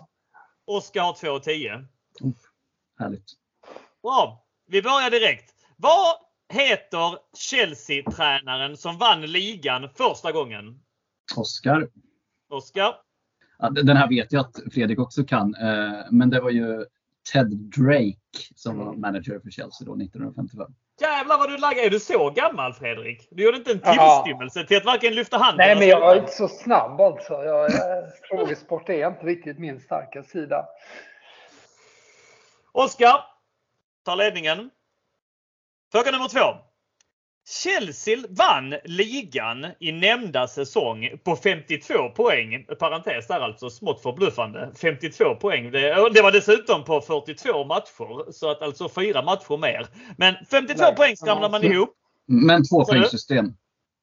Två Ja, poäng Nej, för seger. ja, fasen, jag misstänkte väl att det är något jävla skit jag missade. Klart det är ett tvåpoängssystem. Men ändå lågt. 42 Men det är matcher. lägsta väl? 10 Visst är det förluster så hade man på hela, hela säsongen. Eh, vilket, eh, alltså jag ser ligan är ju rätt, rätt mycket tajtare. Nåväl, lite diskussion blev det där. Chelsea vann ligan på 52 poäng. Men vem var vår meste målgörare? Oskar. Meste målgörare. Ja, Ja, eh, alltså den stora anfallsstjärnan var ju Roy Bentley, så jag säger att han gjorde flest mål också. Roy Bentley är rätt svar. Ja, men Vad vad blir? Den här hade du kunnat kryssa fram. nej, jag, nej, jag var lite längre fram. Jag eh, var redan på, eh, på Greaves där, men det är längre fram. Snyggt! Oskar 2-0. När vi ändå pratar målgörare så leder det oss in på tredje frågan i detta quiz. Vem är Chelseas just tredje meste målgörare genom alla tider? Um, tredje mest eh, målgörare. Ja. Ja, Fredrik chansar på Peter Osgood. Det är en bra chansning, men det är fel. Oskar gissar på Kerry Dixon, 193 mål. Vi ser här vem, vem som kan statistiken. Det här är rätt sjukt för att jag har, jag har eh, en, en lista, men jag misstänkte fan att den inte stämde. Vet du vem jag har? Jag har DJ Drogba på den listan. Ja, det, det stämmer Det gör det inte, eller hur? Nej, nej, jag misstänker fan Nej, var det det. Lampard 211, Bobby Tambling 202, Kerry Dixon 193. Nu får du söka upp en, ja, men visst är det så. en- Men, en men sök så här. Sök, sök så här. Ja. Chelsea top goalscorer på Google. Men det måste ju vara något Premier League-era någonting. Chelsea top goalscorers på Google. Här ska ChatGPT Mm, gå in och ge dem en Premier lavett. Ja, precis. Ja, Men det här är stämmer något- ju. Nej, nej, det här stämmer Nej, det står Bobby all Tam- time goalscorers. Ja, ja. Ja. Men det stämmer inte. Bobby Men Tambling jag vet om att också. Frank Lampard eh, är ju etta. Bobby Tambling är ju tvåa. Men, Ja, och han men har fel, fel antal där. dessutom. Ja. Så här är det att eh, Google har fel i detta läge för att det, det, det är ju faktiskt eh, Kerry Dixon. Eh, det vet ju jag också om. Däremot har jag noterat eh, DJ Drogba. Men vi gör så här att den frågan stryks ur protokollet. Trist Oskar. Däremot går vi vidare Ja. till nummer fyra. Vilka stod för motståndet när Chelseas första titel på 27 år, FA-cupen 97, togs hem? Fredrik. Fredrik? Ehm, bara inte ta fel nu på att det var Middlesbrough. Det var Middlesbrough, det är helt rätt. Fredrik Pavlidis 1 poäng, Oskar 2 poäng. Och när vi ändå är inne på den matchen. Ingen poäng nu på frågan, bara liksom eh, briljeringscred. Vilka gjorde målen i den matchen? Um, Di Matteo. Mm. Och, Och Eddie var det Newton. Newton va? Snyggt Oskar! Ja, bra båda två. Och Di Matteos mål, när kom det? 42 sekunder eller? Ja, snyggt! ja. Var det är så. 42 sekunder? Ja, Ja, det men det var Det i alla vet. Ja. Ja, ja. Snyggt. Ja, grymt. Men, men här får ni, eh, här har vi samma match, men det här är alltså poäng. Inte bara credpoäng. Samma match. Fråga. Vem stod i mål? Det var ju en norsk va? Frode Grodås. Ja, men du sa inte ditt namn där. Nej. Men okej, Jaha. Du du. Ja, ja. Hade du, kunde du den Då måste vi gå över till mig då. Jaha. jaha. Ja, Va- Kunde du den? Ja, men han sa ju det. Musiken sn- snor allt jag kan. Nej, det är klart Oskar ska ha poängen. Men han, kunde du det? Kunde du det? Nej, ehm, nej, det var nog snarare att eh, i och med att han sa det så kom så väckte, ringde en klocka liksom. Att, att, men Ja. nej, jag hade inte satt grovlås. Nej, snyggt. Bra! Vi har några frågor till. Säsongen 03-04 var det stor rotation på målvaktsposten. Tre målvakter noterades för hållna nollor denna säsong. Vilka? Men så 0304. 03-04. Ja men Oskar kan chansa. Kör Oskar. Eh, ja, men jag vet Du måste ha alla tre nu. Ja, eh, jag vet två och det är Carlo Curicini och Marco Ambrosio. Sen tror jag att Neil Sullivan är den tredje. Ja, det är, nej, det är fan snyggt. Det, Ja, det är- det, det är bra. det är riktigt bra. Hur kunde du sätta så usla odds på det här Daniel? Var- det var feloddset, det var det. Ja. Så det, kan, det, det kan hända. Ja. Faktiskt. Ja, nu såg jag. Det gick för Chelsea-Brentford i helgen. Ja. Eh, vidare. Tre frågor kvar. Vad heter skotten som lämnade Chelsea 1988 och som härom året släppte självbiografin The Accidental Footballer? Fredrik. Fredrik? Eh, som lämnade Chelsea 88 sa du? Yes? Eh, Och så- här- Pat Nevin. Pat Nevin är korrekt. Knappare än. Ja, så det står 4-3 nu med två frågor kvar. Men den kunde du också Oskar. Jag hade nog gissat på det men jag behövde lite betänketid. Jag, jag skäms för att jag först tänkte på Gordon Jury, men ja. ja. Har du läst den. Fredrik? Du konsumerar Nej. ju mycket. Nej, men det borde man kanske Nej. göra, eller? Ja, han är ju ganska intressant och sen så har han ju väldigt eh, profilerat eh, mu- musikintresse, vilket är väldigt kul så här för jag har ju också lite så här med musik och fotboll och allt sånt där så jag, fastnar man för de där typerna. Nej, men han, och han är ju vältalig och kul så att eh, ja, den skulle jag definitivt kunna tänka mig att läsa. Grymt. Eh, två frågor kvar då. Näst sista frågan. Vad heter Chelsea-floppen som av Ranieri beskrevs som den bästa mittfältaren i hela världen när han värvades 2003?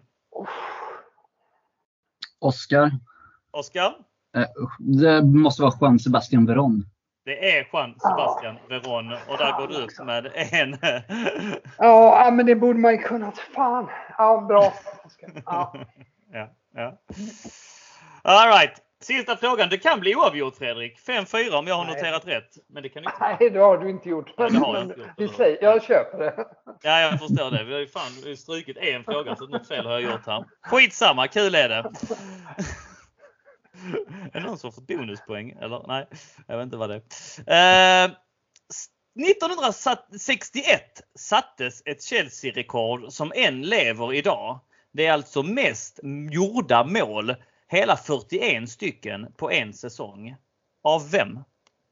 Oskar. Måste jag, måste jag chansa på att det var Greaves då? Ja, det är Greaves. Eh, Jag tycker faktiskt att ni sa era namn eh, eh, samtidigt Ja, dock. Men du hostade ur dig svaret tidigare utan att få chansen. Men bra. Så jag, Eh, så jag vann med 6-5 och det Du är det vann med säga. 10-0. Det- det- det- det- det- det- Mål! Jag får tre, tre poäng för varje rätt svar. Liksom. Nej, snyggt Oskar. Du eh, har, eh, verkligen örnkoll på sånt där. Ja, men fram till typ 2015-ish. Sen är det många som slår mig på fingrarna. Men, men fram till dess absolut. Det, Ja, men att ha så koll bakåt i historien också, det är faktiskt rätt sjukt. mm. Eh, ja, imponerande, kul, jättebra. Vi fortsätter med lite frågor innan vi uh, släpper iväg dig Fredrik. Pallar du Ja. en eh, kvart, 20 minuter till? Jajamensan. Ja, ja, fan vad gott. Eh, då är det så här eh, att eh, Riyad vill att vi ska prata lite supporterkultur. Jag var på Chelsea Aston Villa i våras och det var pinsamt hur dåligt det sjungs. Eh, det sjungs betydligt mer på allsvenska matcher. När blev det så och varför? Ser ni någon ändring? Oskar tar vid. Just det här med liknelser med allsvenska matcher, det tycker vi anglofiler är lite eh, irrelevant, eller hur? Eh, ja, det vet jag inte om jag tycker egentligen. Och eh, jag skulle väl säga det här att liksom, ska man på något sätt jämföra den genomsnittliga Premier League-matchen med den genomsnittliga allsvenska matchen så är det ju minst 20 års tid det har varit eh, bättre stämning i Sverige i så fall. Mm. Eh, men det har sina förklaringar. Ehm, eh, jag har många engelska kompisar som har kommit över eh, och hälsat på i Sverige flera gånger. Många liksom, Chelsea-polare med säsongskort på Stamford Bridge som har gått på fotboll i Sverige med mig. Och de tycker det är så himla roligt för att så här, då får de uppleva det 70-tal, 80-tal eh, som var i England när de inte var födda. Alltså det, det är den typen av eh, stämning och supporterkultur vi har i Sverige. Eh, det är mycket friare. Eh, det är liksom ståplats där biljetterna inte kostar skjortan. Eh, ganska ofta, även liksom på storklubbarna, så kan du köpa biljett samma dag och gå in på ståplatsläktaren och ställa dig med dina polare. Precis som du gjorde på The Shed 1985. Men som du absolut inte gör på The Shed eller Matthew Harding Lower idag. Där du måste liksom sitta på, ditt, eh, på din dator sex veckor innan matchen, köpa en biljett för 60 pund. Eh, komma till en arena där man nu förvisso får stå på kortsidorna. Eh, men där det ändå är väldigt mycket liksom, det är stewards som går upp och ner och liksom, eh, övervakar allt vad man sjunger och det är kameror överallt. Och liksom, eh, det är en helt annan frihet i Sverige eh, kring matcherna och liksom, det är mycket enklare och inte lika uppstyrt. Eh, och så. så jag skulle säga liksom, väldigt mycket bottnar sig i olika förutsättningar helt enkelt. Sen vet jag att så här, svenska fotbollssupportrar vill alltid göra ett case av att ja, men man är mer passionerad och så vidare. Eh, Men det är lite att så här, man, man har olika uttrycksformer också. Engelsk supporterkultur har alltid varit lite annorlunda. Man hade liksom ståplats bakom, eh, bakom målen eh, på ja, men 60, 70, 80-talet. Eh, men sen dess har det varit att liksom, det har varit mer utspritt över hela arenan. Eh, eh, lyssnade faktiskt på Offsides podcast i veckan där de hade skickat en eh, engelsk fotbollsjournalist, Jonathan Wilson, för att studera svensk supporterkultur och jämföra lite med britter. Så han sa just den att, så här, men, precis, att de svenska supporterna, ja, men de sjunger och maler på och det är ett bra tryck, men det speglar inte så mycket vad som sker på planen. Medan engelska supportrar, det speglar mer vad som sker på planen. Det kan vara tyst och sen blir det målchans och då blir det livat eller liksom, det händer någon kontrovers kring domaren eller så. Medan i svensk fotboll är det mer att så här, ja, men det är en ultrakärna, en klack som står och sjunger i 90 minuter oavsett vad.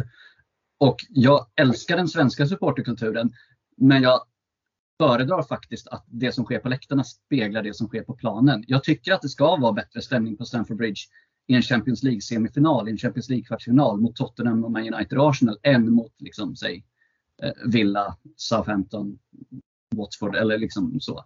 Eh, Klockan ett på en lördag. Ja, precis. Eh, sen önskar jag att det alltid vore lite bättre stämning än vad det är. Men ja, jag vet inte, ett, ett, ett väldigt otydligt och luddigt svar. Men ta, ta vid. Nej, jag att det var, Oskar, jag tycker det var ett jätte, jättebra svar därför att du fick med den biten som mest diskuteras och det som är ett faktum när det gäller liksom det här med, med klackarna och den livfullheten som också ligger mer i tiden med det här liksom färgstarka och eh, den här biten det, det, med, liksom med, med tifon och bengaler och allting det här. Det börjar ju lite smått komma också i England med Crystal Palace och Arsenal som börjar få lite sådana här ultras sektioner. Det kanske kommer att sprida sig där också. Men den här sista biten som Oskar var inne på är jätteviktig och det här som Jonathan Wilson pratar om också, om det här med att man lever ju med matcherna på ett annat sätt i England. Det är ju bara, eh, jag menar, vi har ju anammat väldigt mycket i, i Sverige, mer den sydländska på, under senare decennier. Eh, mer den sydländska liksom, eh, fotbollskulturen då. Eh, och blivit fantastiska eh, med det utan tvekan. Liksom. Men jag, jag det, det, är en jätteviktig aspekt av det hela, just det här att man i, England, att man lever liksom med människor. Är, är, det, är, är det en match som, där det blir bra drag i, liksom, det, då kan man ju liksom höra en hel, en hel läktare eller en hel stadion leva upp för en tackling. Ja. Det, det, upplever du inte någon annanstans. Det är väldigt speciellt på det sättet, men, men som Oskar var inne på också, effekten har ju varit tillsammans med allt annat, kommersialiseringen och allting, mm. har ju gjort att de, de äh, dåliga matcherna blir rysligt äh, ja. äh, tysta. Och det det ju även de klubbarna som har liksom det här anseendet, om vi pratar Liverpool och det är så fantastisk stämning där. Visst, gå och se dem mot, mot ett bottengäng i Premier League och du har precis samma problem där också. Mm, mm. Ja, nej jag håller med.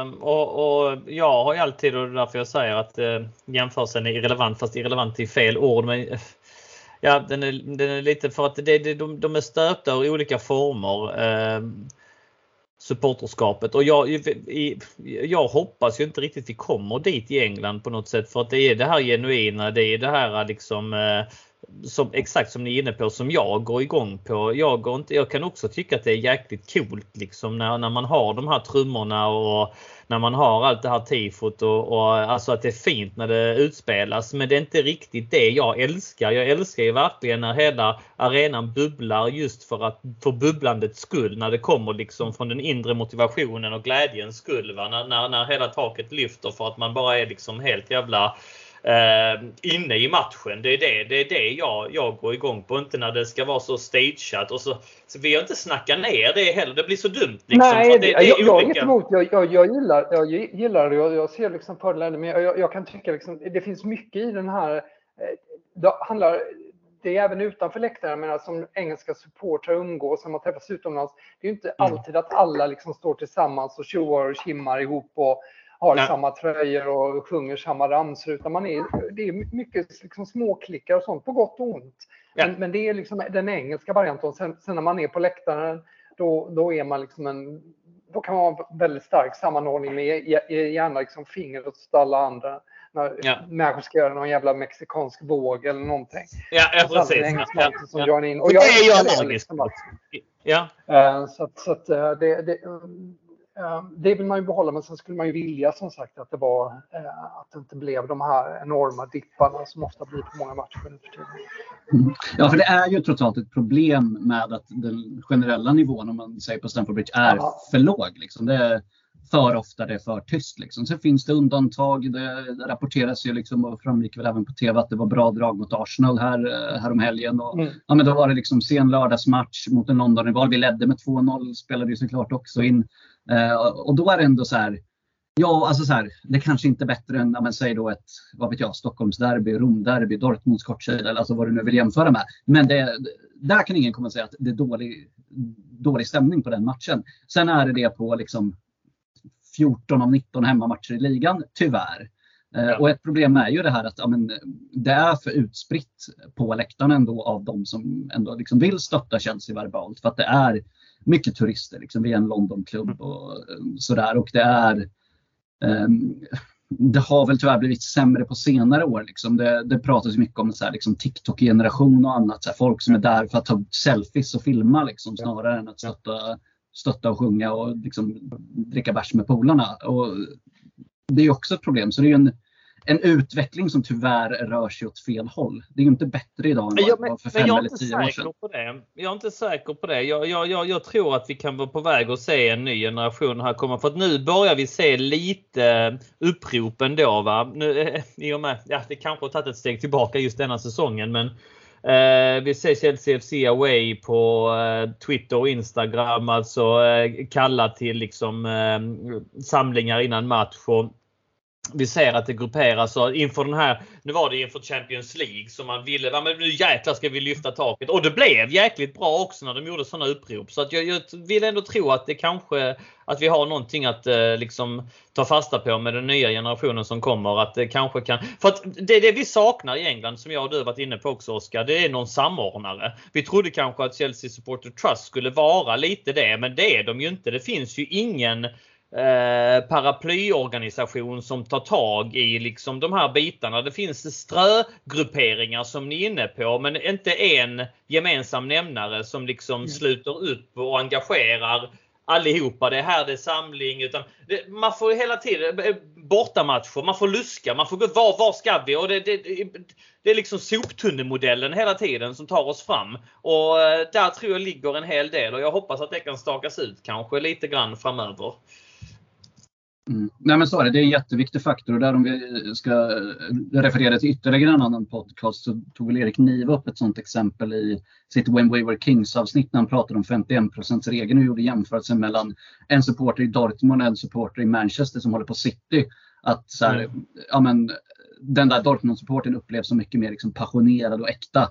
För att mm. de har det uttrycket de har på sina läktare och så. Men det har mycket med liksom tradition och organisation att göra.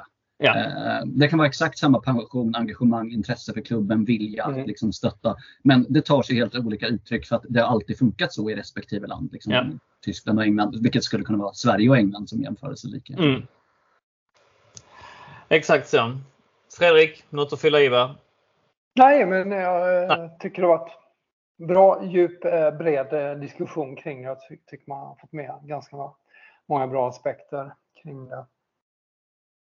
Snyggt! Jonas Frank vill att vi ska välja vår favorit Chelsea-logga mm. och på CSS-podden-gruppen har han listat alla loggorna också från eh, tidigt 1900-tal och, och, fram. Jag tänker att den här behöver vi kanske inte bli så djupgående kring men eh, alltså 53 till 86-loggan är väl eh, en klass för sig va grabbar? Eller? Absolut. För mig i alla fall. Oskar? Ja men det är väl det rätta svaret. Sen tycker jag ändå att den nuvarande är bra. Jag ja. gillar den.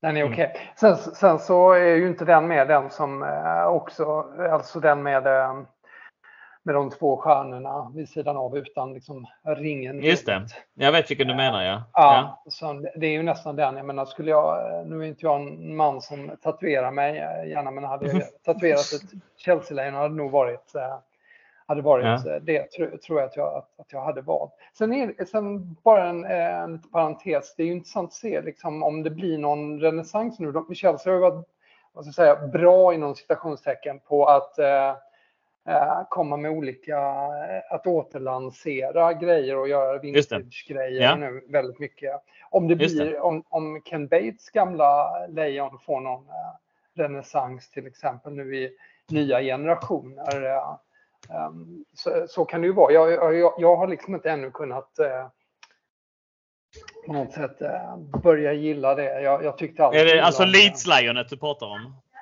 Uh, Millwall, Millwall-lejonet. Ja. Eller Millwall, precis. Ja, Millwall-lejonet. Jag menar, ja. ja. Precis. Men, och det finns ju säkert de som, som gillar det och kanske en yngre generation som är inne mycket på, jag menar 90-talsgrejer är ju ja, ja är det mycket av nu. Så, att, så att, kanske många som tilltalas av det. Men, men eh, nej, för, för, mig också absolut eh, annars om man ska välja de som Jonas la upp där så definitivt det. Vi har en fråga från eh, Andreas Berg som vill att vi pratar om de bästa bortaresorna med Chelsea genom åren. Och vi har, vi har varit på en del bortaresor. Men ja, jag bollar över denna till dig direkt Fredrik. Uh, Ja, där eh, starkast minne och sånt där eh, och, och mest eh, galna varianten i särklass var ju Viktoria Siskov för mig. Jaså? ja, 1994. Ehm, första, första vad heter det, Europamatchen egentligen då på alla, ja, hur många år det nu var. Men eh, det var väl ända sedan 70-talet något måste det ju vara som de spelade en riktig eh, Europamatch. Att det var ju ganska mycket det var ganska stort drag kring matchen, men det var så konstiga omständigheter kring den. skulle ju spelas, det här är ju ett skitlag i Prag, men deras arena var ju i dåligt skick och det skulle komma för mycket eh, engelsmän. Så de flyttade ju matchen till en håla nära polska gränsen som heter Jablonec nad Eh, och försöka hitta dit. Var det, alltså det, var ju, det var ju så snurrigt alltihopa. Vi eh, hyrde eh, slash tvingade någon människa med en van att köra oss och, eh, åtta pers eh, i, i, till det här. Och det här var ju i, i en tid när eh, Prag redan då hade ju liksom blivit modernt eller pengarna hade kommit till Prag efter att muren rasade. Men, men ute på landet så var det verkligen landet med. Det var liksom det, det, var en helt annan tidsepok. Och sen kom du till det här stället som man aldrig liksom, har hört talas om och kliver in. Det finns bara ett hotell och där sitter ju hela Chelsea-laget. De satt där och, uh, så att man, man eh, sprang på alla Dennis Wise allihopa där. Det var också liksom så här udda bara för att det var liksom ett hotell ingenstans. Uh, och sen så den här matchen på den här arenan som var helt bisarr där borta sektionen. Liksom, det var bara en kulle med en massa träd. Uh, där var ju, det var ju, var ju jättemycket Chelsea-supportrar som åkte på den här matchen ändå, just för att det var en, en, en udda händelse. Så den, där var så mycket udda grejer kring så det var min, eh, mitt eh, liksom bästa sådär, minne av en, en bortaresa som blir så här konstigt. Man vet inte var man landar liksom någonstans och vad som händer och var, var man ska ta vägen. Och, um, ja, den, den var spännande på många sätt i alla fall. Ja, vad häftigt. Mm. Uh, jag trodde du skulle nämna Brygge också. Ja, men Brygge, ja, ja, Brygge var, var ju eh, spännande. Andra, men det var ju mer för att den var så otroligt stökigt. Eh, och, där, eh, man, och det är ju för de unga lyssnarna en av sådana bortamatcher som liksom eh, det finns liksom Youtube-klipp om hur, hur jävligt det var liksom. Och där var ja. väl du? Ja, ja det, det var man mitt i. Jag fick ju ordentligt med stryk också där på en pub. Så att, eh, det var ju riktigt, riktigt stökigt där och jag höll på att bli deporterad till England. Och, alltså, jag vet inte, det, var, det var inga engelsmän som fick bo i Brygge utan alla bodde i Ostende. För de var rädda för att det skulle bli stökigt. Och, och Sen, men det här var ju också på tiden, bara för att ge lite eh, historia, ja. där, där engelska eh, fotbollssupportrar var duktigt eh, illa omtyckta. Alltså, eh, och Chelsea hade ju riktigt dåligt eh, rykte här, det här är ju mitten av 90-talet också. Då, då, det var, hängde ut väldigt dåligt rykte med sen, sen tidigare fortfarande. Liksom, så att, eh, det var liksom extra uppmärksamhet och just det där att Chelsea hade ju inte varit i Europa på, på många år då utan de hade ju mest hängt med, med landslaget fram till dess. Eh, så att de, de hade ju, eh, ja, folk var ganska oroliga när Chelsea kom och ja, där var, där var Brygge var, Brygge var riktigt liksom, illa på många, på många sätt. Men det var ju, ja, det var mycket galenskap som försiggick. Man var glad när man fick åka därifrån. Men mitt, mitt mest, bara snabbt där var bara att bidra till att det var så en konstig upplevelse. Man var rätt mörbultad, och skulle ta flyget hem. Jag hade fått skjuta och ta ett senare plan hem och då sitter jag vid, eh, vid eh, någon baddisk där och där sitter en annan helt, helt bisarr Chelsea-support. Jag har aldrig sett någon sån här som hade liksom allting i Chelsea i princip. Liksom eh, manschettknappar, klocka, allting sånt här. Och dessutom på den tiden ganska ovanligt en, en, en, en svart man då, som var från Hall. Som, och som var fantastiskt trevlig. Man satt och berättade liksom, massa konstiga Chelsea-historier där och berättade att han hade två hundar. Den ena heter Chelsea och den andra heter FC. Och att han älskar att gå omkring i parken och ropa Chelsea FC efter sina hundar. Det var en, många eh, udda personligheter och eh, många färgstarka minnen. Ja, brukar vara, vara kul också. Kul! Summera den och det är nog det du summerade. Alltså det här blev, blev liksom Chelsea-supportrar attackerade helt oprovocerat av polisen, blev slussade fram och tillbaka. Det, vi har liksom historier om att de tog in pensionärer isolerade. Ja, det var helt, helt sinnessjukt. Ja, men det var kul!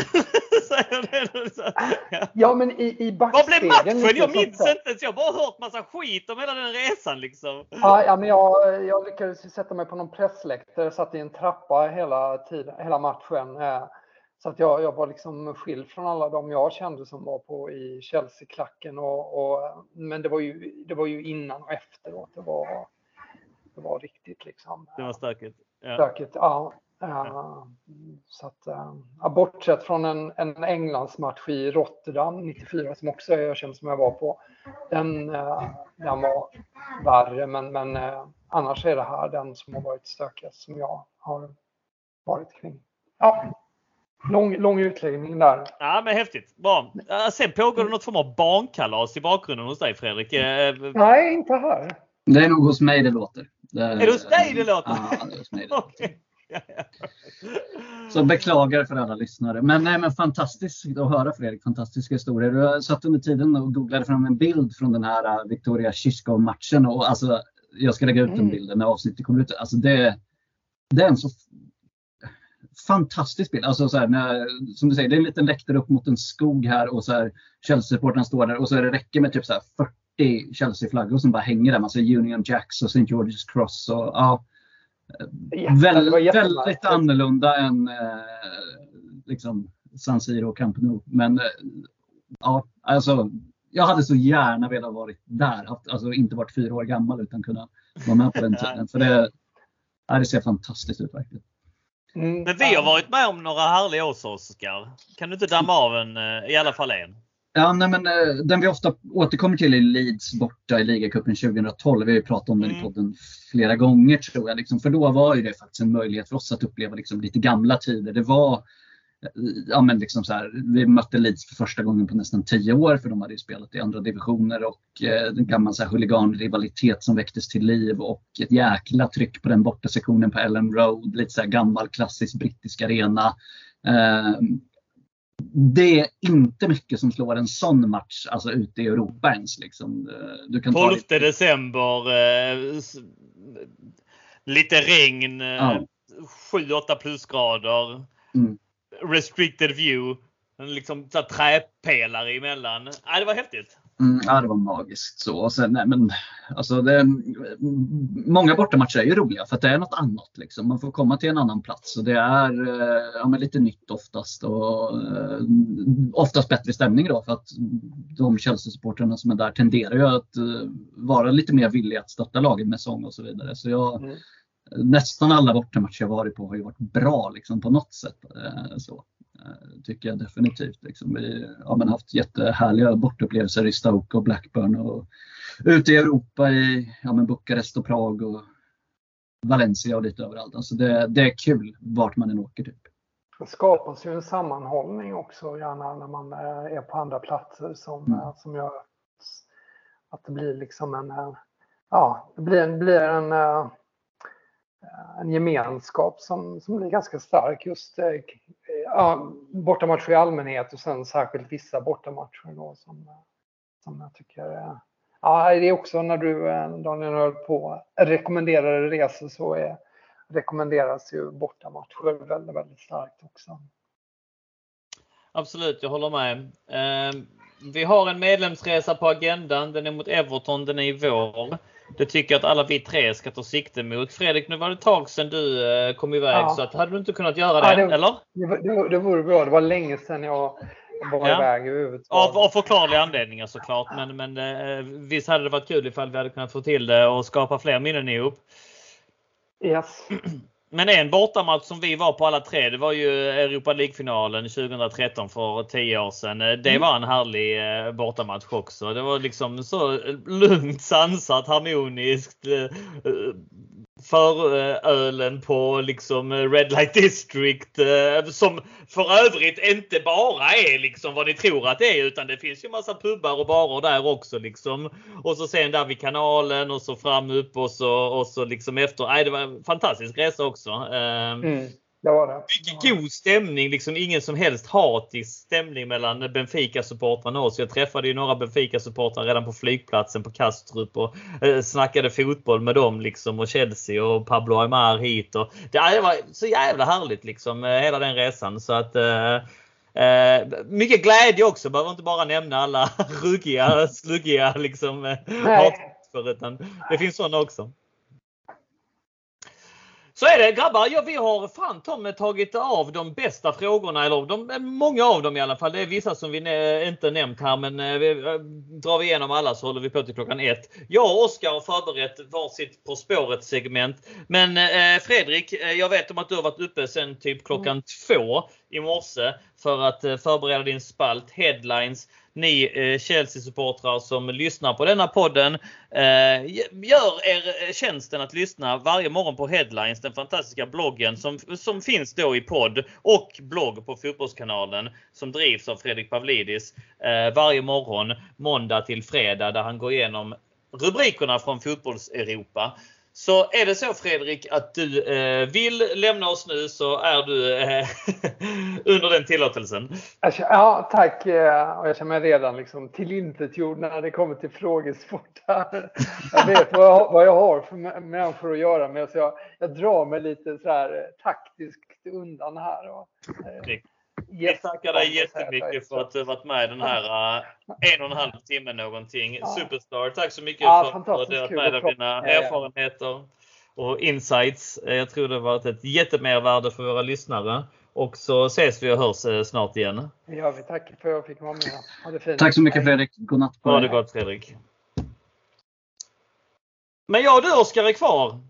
Jajamän. Vi är Och inte upp. innan, innan vi eh, slänger oss på På spåret-segmentet ska jag gå och hämta en öl. Och eh, om du vill kan du göra det också. Men vi tar en liten kort paus. Häng med oss snart igen.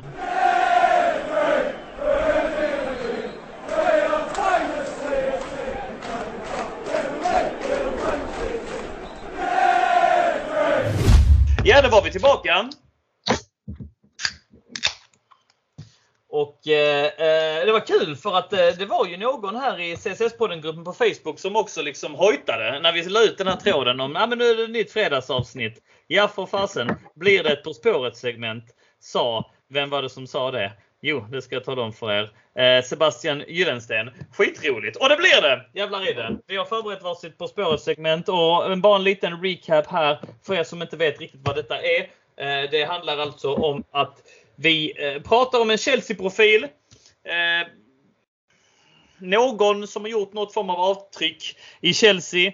Eh, fram tills nu har det bara varit spelare, men vi har inte sagt att det uteslutande det ska vara det, utan det kan vara någon med Chelsea-anknytning. Och så då kör vi På spåret-regler så att vi ger varandra ledtrådar på 10 poäng, 8 poäng, 6 poäng, 4 poäng och 2 poäng. Och eh, ehm, är det så att man kan så får man säga jag tror att jag kan det. Eh, och så drar man. Eller man säger jag drar, säger man. Och så sen så eh, skriver vi svaret till varandra så att ni där hemma faktiskt har chans att gissa fram till och med den sista ledtråden. Och är det så att eh, ni kan det eller när ni kan det så får ni jättegärna dela med er av det i CSS-podden-gruppen på Facebook. Det tycker vi är jätteroligt när vi får reda på att ni tog det på åttan eller på sexan. Alltså snälla gör det! Eh, har ni lyssnat hela vägen fram tills nu så är det väl en liten, liten tjänst ni kan göra så att ni faktiskt skriver jag tog det på sexan och eh, sådär. Eh, det hade varit jättekul. Däremot säg inte vem det är i tråden för då spoilar ni för de andra som sparar på avsnitten. Det här avsnittet kommer bli ja, två timmar ish långt och det är inte alla som hinner beta av det på lördag eller söndag utan de sparar det kanske lite senare i veckan. Så att eh, eh skriv inte vem det är men skriv gärna när ni tog det. Hoppas det kom fram. Oskar, något jag missat där i reglerna? Mm, nej, men det tycker jag du har fått med. Det är ju På spåret kopia eh, såklart och även Offsides spelarbussen för de som har lyssnat på den kör ju samma koncept. Just det. Det är ett väldigt roligt format eh, som jag tycker är, är, är rätt ball att avsluta denna fredagspodd med. Eh, vill du Oskar börja eh, prata eller vill du börja gissa? Eh, nej, men jag kan eh, börja läsa min resa här då. Eh, All right. Då är det så här att du tog ju, eh, jag, jag gjorde bort mig på din sist vi eh, höll på. Jag tror att jag fick en fyra poängare till slut men jag borde tagit den tidigare. Och du tog min 10 poängare. Så är det. Så att jag, jag är spänd och revanschsugen så kan man säga. Mm. Härligt, härligt. Men till vilken Chelsea-spelare är vi då på väg? På 10 poäng. Jag är Premier League-vinnare och har även en silvermedalj från VM och från EM. Tidigt vann jag Chelsea-fansens hjärta i samband med sent segermål mot London-rival. En av mina mest betydelsefulla matcher var en stor förlust mot annan London-rival.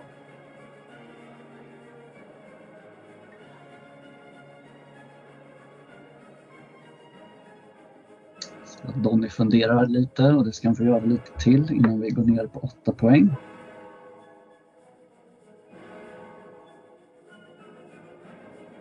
Är du redo för 8 poängs ledtråden? Mm, det får jag nog vara.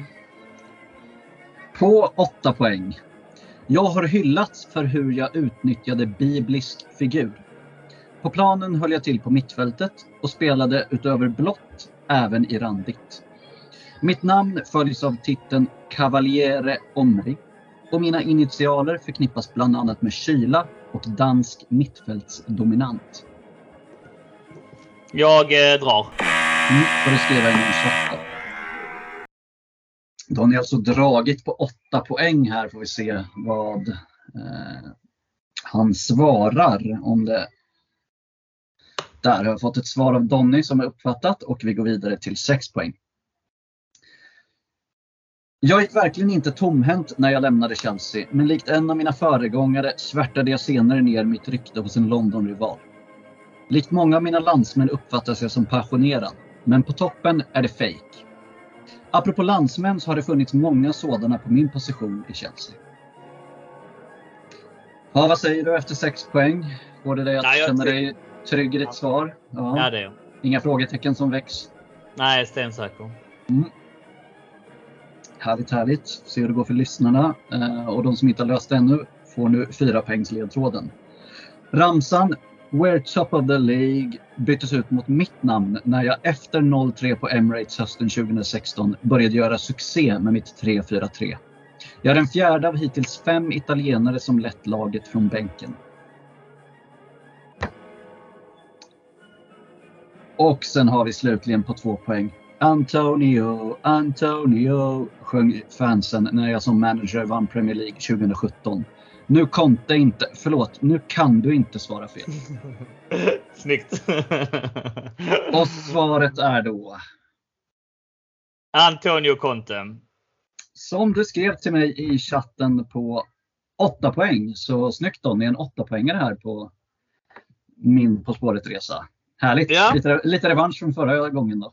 Mycket. Jag ville dra redan tidigt i 8 poängaren men jag tänkte att nej det gör jag inte. Utan, eh, vi gör inte bort oss här. För det har jag gjort någon gång, dratt ur mig. på Det var... Eh, nej, jag, sk- jag tror på typ 10 poäng och tänkte att det var Papis Gilobocci och så var det Papis Dembaba. Minns du det? Mm. Något sånt. Ja, ja, nej, Ja. Det, nej, det, där vill man inte hamna och för, Mm. förstöra fredagen och, och gräma sig. Så att, eh, men eh, ja, nej, det var, jag är nöjd med min dragning på 8-poängaren. Och eh, det var lite här biblisk figur, eh, nyttjandet av honom. Det tänkte jag direkt på, måste varit Mose, Victor Moses. Det var inne på Kontos och sen så kom eh, lite andra ledtrådar där, aircondition och lite sånt som gjorde mig stensäker. Så att, ja, snyggt! Riktigt bra!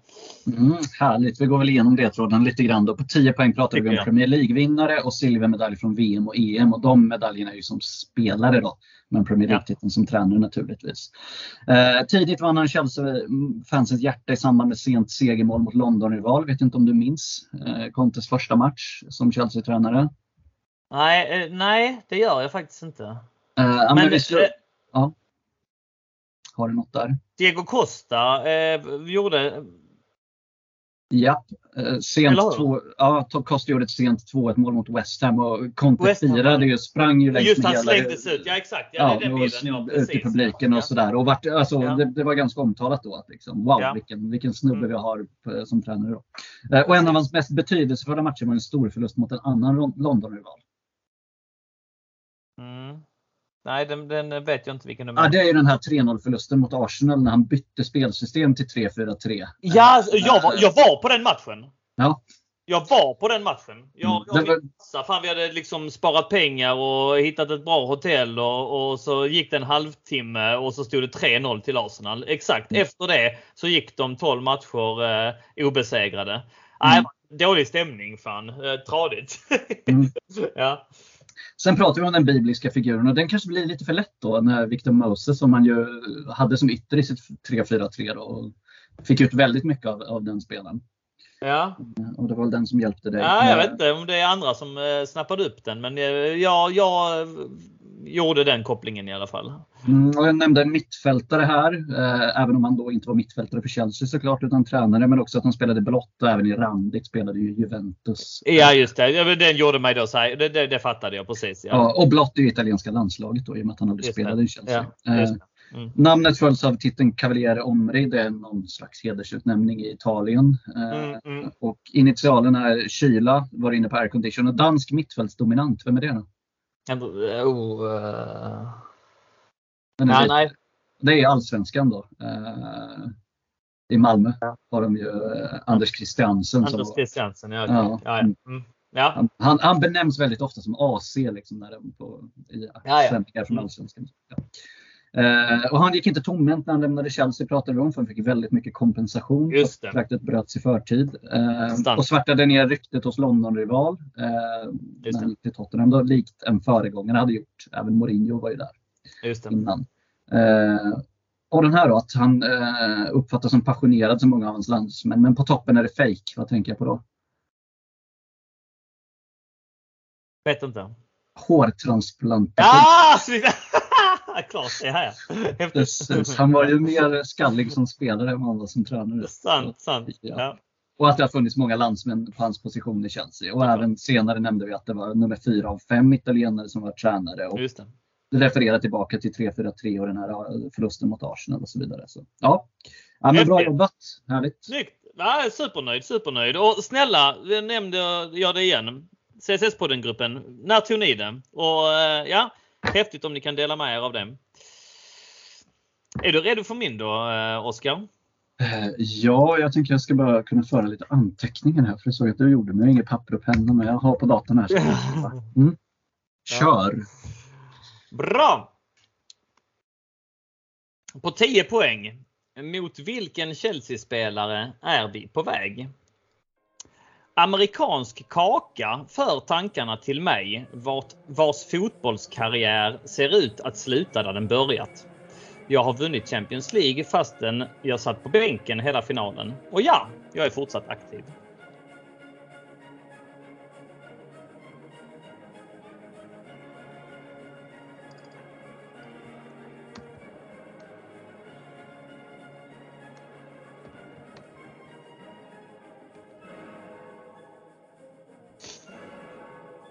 Vi går vidare till 8 poäng. Jag är helgonförklarad. Jag har spelat i tre olika länder och jag har två stora städer, en i Brasilien och en i Italien, i mig. Portugis tog mig till Chelsea, men min långa, långa karriär var inte byggd på en dag. Och jag har faktiskt satt störst avtryck i en annan engelsk klubb.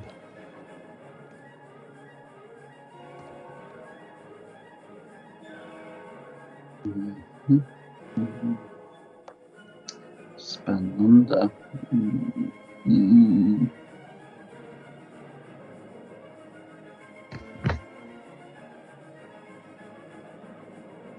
Oskar tar en sup på ölen medan han funderar. Mm. Jag måste nog... Vi tar sexan också. Den amerikanska kakan jag pratade om tidigare är ett dubbelt mörkt chokladkex med vit fyllning i mitten. Runt! I Chelsea gjorde jag min debut 2011. Idag spelar jag ganska otippat i vad många skulle kalla ett av världens bästa lag. Där jag dessutom är hyfsat ordinarie. Julias kille är ännu en ledtråd. Ja, men nu har jag den eh, där faktiskt. Eh, så jag får väl svara. Var det på 6 poäng där jag skickar ett litet Mm. svar till dig då? Och Jag har noterat ditt svar och vi går över på 4 poängs ledtråden. Jag gjorde 24 matcher under min första säsong i Chelsea. 9 matcher i min andra. Sedan blev jag utlånad. Därefter såld. Jag kom med stora förväntningar på mig som jag aldrig riktigt infriade. Men i Southampton stannade jag hela sju år och har blivit lite av en kultspelare innan flytten tillbaks till hemlandet Spanien stundade. Hur känns det efter fyra poängen? Mm, ja, men det känns eh, stabilt. Det känns stabilt. Ja. Mm. Och då dammar vi av tvåan också. Barca, Chelsea, Valencia, Stuttgart, Southampton, Girona och nu Barca igen. Är du orolig att du inte tar det nu? Nej, nu är jag inte särskilt orolig utan eh, svaret är såklart Oriol Romeo. Oriol Romeo eh, som du mycket riktigt satt på sexan. Alltså jag gjorde det så jävla lätt för dig med William på 10 poäng för eh, några avsnitt sen eller ja, vad det nu är. Eh, så jag tänkte jag skulle trixa till det lite grann med en lite mer otippad spelare. Men, men du satte den på sexan vilket jag tycker är extremt hederfyllt. Vad fick dig att dra?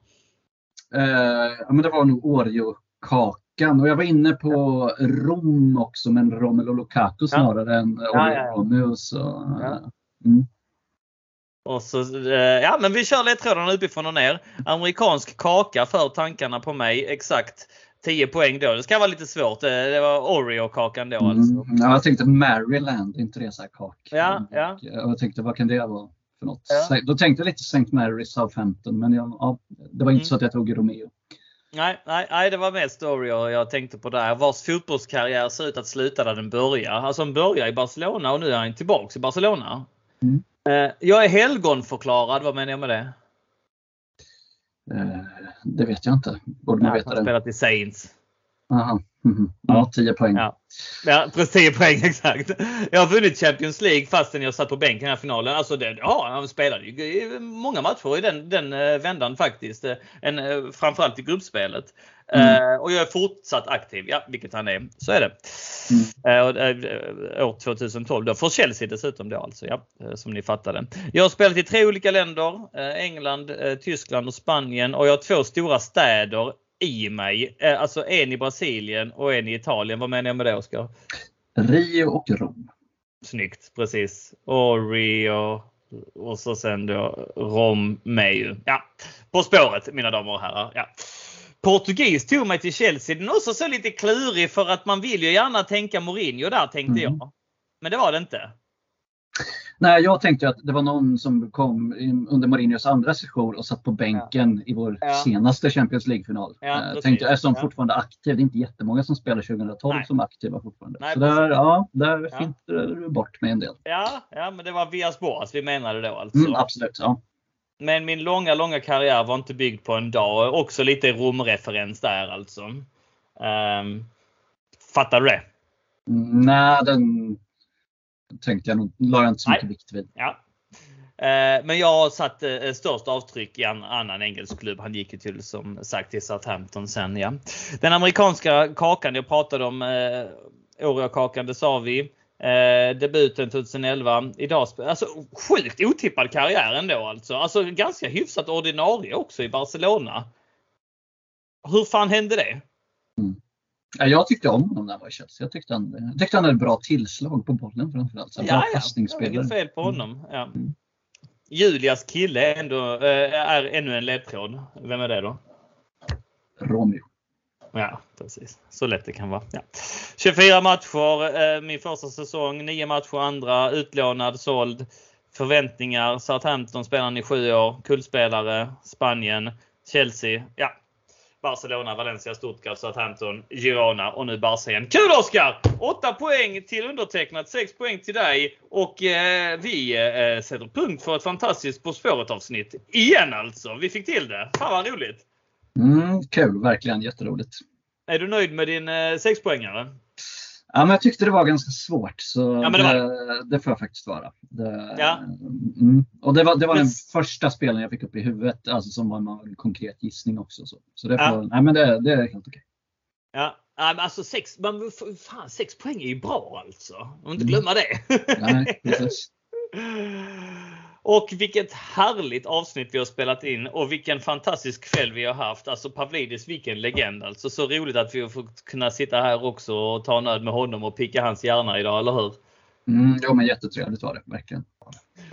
Och stort tack till dig Oskar för att du har varit med. Jag tänker att vi rundar av här innan vi blir alltför långrandiga. Vi börjar närma oss två timmars sträcket. Eh, Jag tycker det är otroligt roligt att vi kan få till de här avsnitten lite då och då. Lämna gärna en kommentar om ni gillar avsnittet i CSS-podden-gruppen på Facebook. Är ni inte med där så bli medlemmar där. Är ni inte med i CSN än så bli medlemmar i CSS också.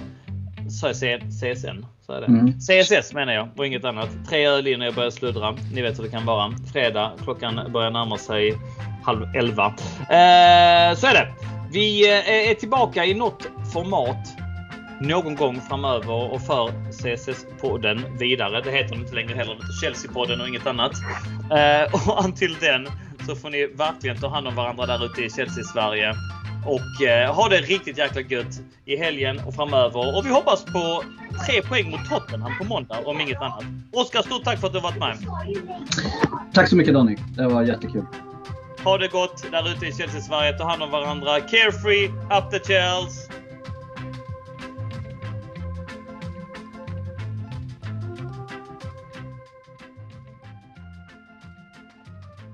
Bra. Förutom att jag snubblade på orden i precis i slutet så fick vi ihop det. Ja, men det var ingen fara. Någon felsägning får man ha.